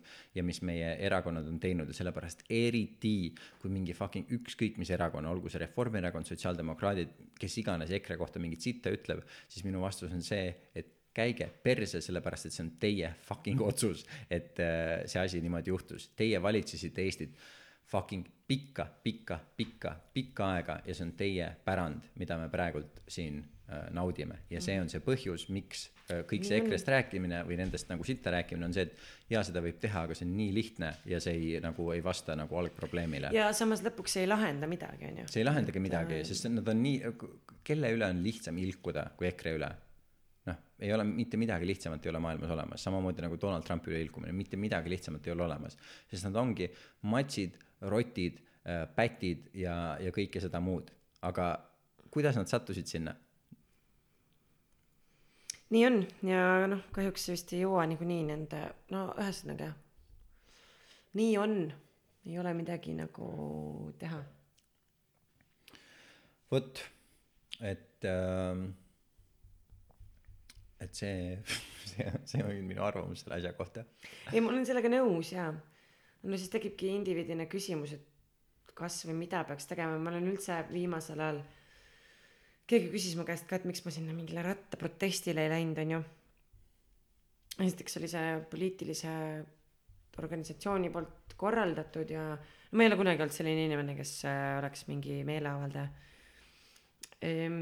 ei ole nagu jõudu kuidagi olla nendes protsessides sees ja noh, kui ei ole seda jõudu, siis kuidagi ei ole nagu õigust tegelikult midagi öelda ka. no üks asi on see ja teine asi on see, et tegelikult, kus ma, ma siiralt loodan, et me jõuame ja, ja kui, ühesõnaga keeruline on mõtteid väljendada. meie kõik oleme süüdi selles pasas, mis praegult meie riigis toimub. iga riik saab sellise valitsuse, nagu tema rahvas väärib see valitsus, mis meil on, on see valitsus, mida meie rahvas väärib, see valitsus ei ole kuskilt kuradi kosmosest tulnud, see on meie rahva pool, meie rahva inimesed, meie rahva poolt valitud, meie rahva poolt soositud, meie rahva poolt soovitud ja nii edasi. et ma äh, olen sada protsenti nõus. me ei jõua mitte kuskile sellega, et me ilgume inimeste kallal, kes on ilmselged kuradi matsid, pätid, oportunistid ja nii edasi, vaid me jõuame kuskile siis, kui me vaatame enda sisse ja mõtleme, aga mis osa oli minul selles, et me jõudsime sellesse fucking olukorda, kus me praegult oleme. ja ilmselgelt me kõik oleme selles süüdi, täpselt samamoodi nagu see arstisüsteem, millest ma ennem rääkisin. miks meil on nii vähe arste, miks meil on nii vähe voodikohti, on sellepärast, et Eesti rahvas iga sammuga on pooldanud ja toetanud neid parteisid, neid poliitikuid äh, ja neid äh, süsteeme, mis on viinud meid selleni, et äh, meil ei ole mitte mingit reservi, meil ei ole mitte mingisugust säästu nii-öelda, mille pealt elada mõttes. võib-olla tore asi, noh, ma ei saa öelda, et tore asi, aga mis juhtus selle koroonaga, et äh, ikkagi inimesed, kes äh, maksid endale ainult äh, ümbrikupalka või kes maksid endale miinimumpalka, nagu ka mina, said võib-olla kõige rohkem sellega pihta, on ju, et äh, et see oli esimest korda üle väga pika aja, kus äh, kogu selline OÜ-tamine äh, ja kogu muu käitumine nagu backlash'is, et äh, kui sa ikkagi ametlikult ei maksa endale suurt palka, siis sa ei saa ka ametlikult väga suurt toetust, kui midagi peaks väga perse minema mm. -hmm. et ähm, aga, aga see on kusjuures see jumala hea, et sa mainid seda äh, teema, mida ma katsin öö, osati oma podcast'is äh, fotograafis ka Tallinna jaoks, mida ma tegin siis äh, selle Music Estonia juhiga, kelle nimi mul praegult meelest ära läheb äh, ja kuhu vahepeal ka uus juht valiti, oli see asi, et üks asi, mis on Eestis hästi nii-öelda nagu katmata, on seesama nii-öelda nagu keikamajandus, eks ole mm. -hmm. et inimesed, kelle töö ongi see, et sa teed ühe ürituse jaoks keikat, ühe firma jaoks keikat, mis edasi, eks ole, ja sa ei kategoriseeru mingisuguse kindla, eks ole, rühmituse või grupi või mingisuguse kindla nagu loometöö või mis iganes muu töö alla, mis tähendab seda, et riik ei oska sulle mitte mingit moodi toetust maksta, sest seda süsteemi või seda nagu noh, seda struktuuri lihtsalt ei ole olemas, sest sa ei, sa ei kategoriseeru mitte öö, ühtegi kohta. ja see üks nii-öelda äh, noh, argument või asi seal oligi see, et äh, need inimesed, kes siis seda OÜ-tamist ja kõike seda teevad, et äh, noh, paras neile, et, et see ongi nii-öelda sinu see õppetund, eks ole, et sa ei, sa ei saa niimoodi teha, sa ei saa riiki petta või nagu riiki kuidagi optimeerida op, optimeerida oma makse, eks ole. optimeerida maksimaalselt niimoodi, et sa võidaks maksimaalselt Just sellest olukorrast, sa ei saa. ja see on hea point, aga mis on minu vastuargument sellele, on see, et see on jällegi täpselt sama viis, kuidas meie riik on toiminud. sest selles olukorras, kus on sitt olukord, ei ole see, et riigil on lihtsalt võimalik kõiki inimesi toetada ja kõikidele inimestele maksta. mida riik tegi esimese fucking kriisinädala jooksul? aa, võtame miljard laenu. noh, mis, mis tähendab seda, et kui ta, kui sina oled valitsus, kui sina oled öö, riigi öö, juht, kui sina oled see, kes seda asja eest veab, siis kuidas sina saad öelda inimestele seda, et aa, teile me ei saa toetust maksta, sest vaadake, kuidas te olete oma makse optimeerinud, aga me ise võtame miljard laenu. seda küll, aga kuidas see majanduse põhimõte käibki, et äh, kui läheb üleüldiselt halvasti, tuleb äh, kulutada, kui läheb hästi, tuleb reserve koguda. Mm -hmm. nii et äh, selles mõttes võib-olla see laenu võtmine, we don't know, võib-olla see oli õige otsus. ma, mul on lihtsalt kurb meel sellepärast, et ma ei oska investeerida. Fucking aktsiahinnad olid kõik nii all, ma olin mingi, mida osta, mida osta, ma ei tea, ma lähen poodi ostan seepi. ja, aga sest minu jaoks ka majandus on olnud see asi, mis nagu terve elu ma olen huvitatud, eks ole, hästi-hästi paljudest erinevatest asjadest. üks asi, mis lihtsalt kuidagimoodi ei suuda minus põnevust tekitada, on majandus ja investeerimine ja, ja nagu noh, kogu see pask. ja nüüd viimase poole aasta jooksul ma olen seda nii-öelda rohkem olnud huvitatud sellest, et nagu aru saada, et mismoodi meie kuradi baassüsteemid toimivad või kuradi, kellelt üldse riik laenu võtab või nagu kust kuradi kohast see laen tuleb või kes seda tagasi maksab mm, -hmm. kogu see pask. ja aru saanud sellest, et äh, ah, fuck, läks meelest ära. räägi natukene, siis mul tuleb meelde jälle, mis ma tahtsin öelda. No ma tahtsin lihtsalt öelda, et äh, hakkame siin vaikselt äh, otsi kokku tõmbama, onju. I got places to go, people to see. aga mida ma tegelikult tahtsin öelda, et ma nagu loodan äh, ja tahan, arvestades nüüd kõik, kogu seda uut äh, stuudiot, mis meil on ja nii, onju. et äh, tuleb äh, podcast'i tihe sügis Mhm. ähm,. nagu mul ka muude selliste. Ma ei taha öelda nagu väiksed projektid, aga need on nagu teatavas mõttes siuksed side projektid, millest või võiks saada nagu päris projektid. äh, tahaks nendele nagu hoogu rohkem sisse anda mm, -hmm. mis kõik on. tahaks kuidagi nagu vabaneda sellest ähm, teiste jaoks töötamisest ikkagi mm. -hmm. ja teha rohkem nagu, võib-olla isegi mitte töö mõttes, aga elada rohkem iseendale. no Veibe, usu mind, ma olen viimased pool aastat ei ole mitte kellegi jaoks tööd teinud. et äh, mul on vaja oma kodulehega tööd teha ja pean midagi selle särgi business'iga välja mõtlema ja no ühesõnaga Moosi vein, moosivein on ju kõik need asjad see on hea T-särgi idee muide. et ähm, Moosivein. ma olen ikkagi viimasel ajal mõelnud et mis see nagu mis see elu siis on et ähm, ma hullult lootsin et nüüd ma tegin selle filmi ära ja niimoodi et siis tuleb selline veits pikem nagu puhkuselaadne asi Mhm. aga k- ma ei tea see on nii veider see vabakutselise elu et see Ja kestab ausad- alati mingi kolm kuni üheksa päeva mm. -hmm. ja siis tuleb mingi kõne kus keegi pakub mingit major projekti ja ma niimoodi et aga kut- kuidas te teadsite et mul just nüüd tekkis see nagu või kuidas see käib niimoodi alati tsüklitena see on minu see jaoks on nagu veider lihtsalt. et ma isegi otseselt nagu ei soovinud seda ja see tuli minuni onju et aga me peame ka ühesõnaga ütlema esiteks seda, et äh, Laura läks kellukooli. ei mul on homme vestlus esiteks esiteks, ma ei tea kas ma sinna sissegi saan ja ma pean esimene nädal juba kas sa ei ole juba sisse võetud või sa pead ei veel? mul on vestlus homme okei, see on nali, sind võetakse nagunii vastu sinna. ühesõnaga, Laura õpib ehitajaks jah ja kahe cum laude'ga ehitaja on meil varsti Eesti maastikul saadaval, kui keegi tahab retsi tunni hinda maksta lihtsalt nagu retsi äh,.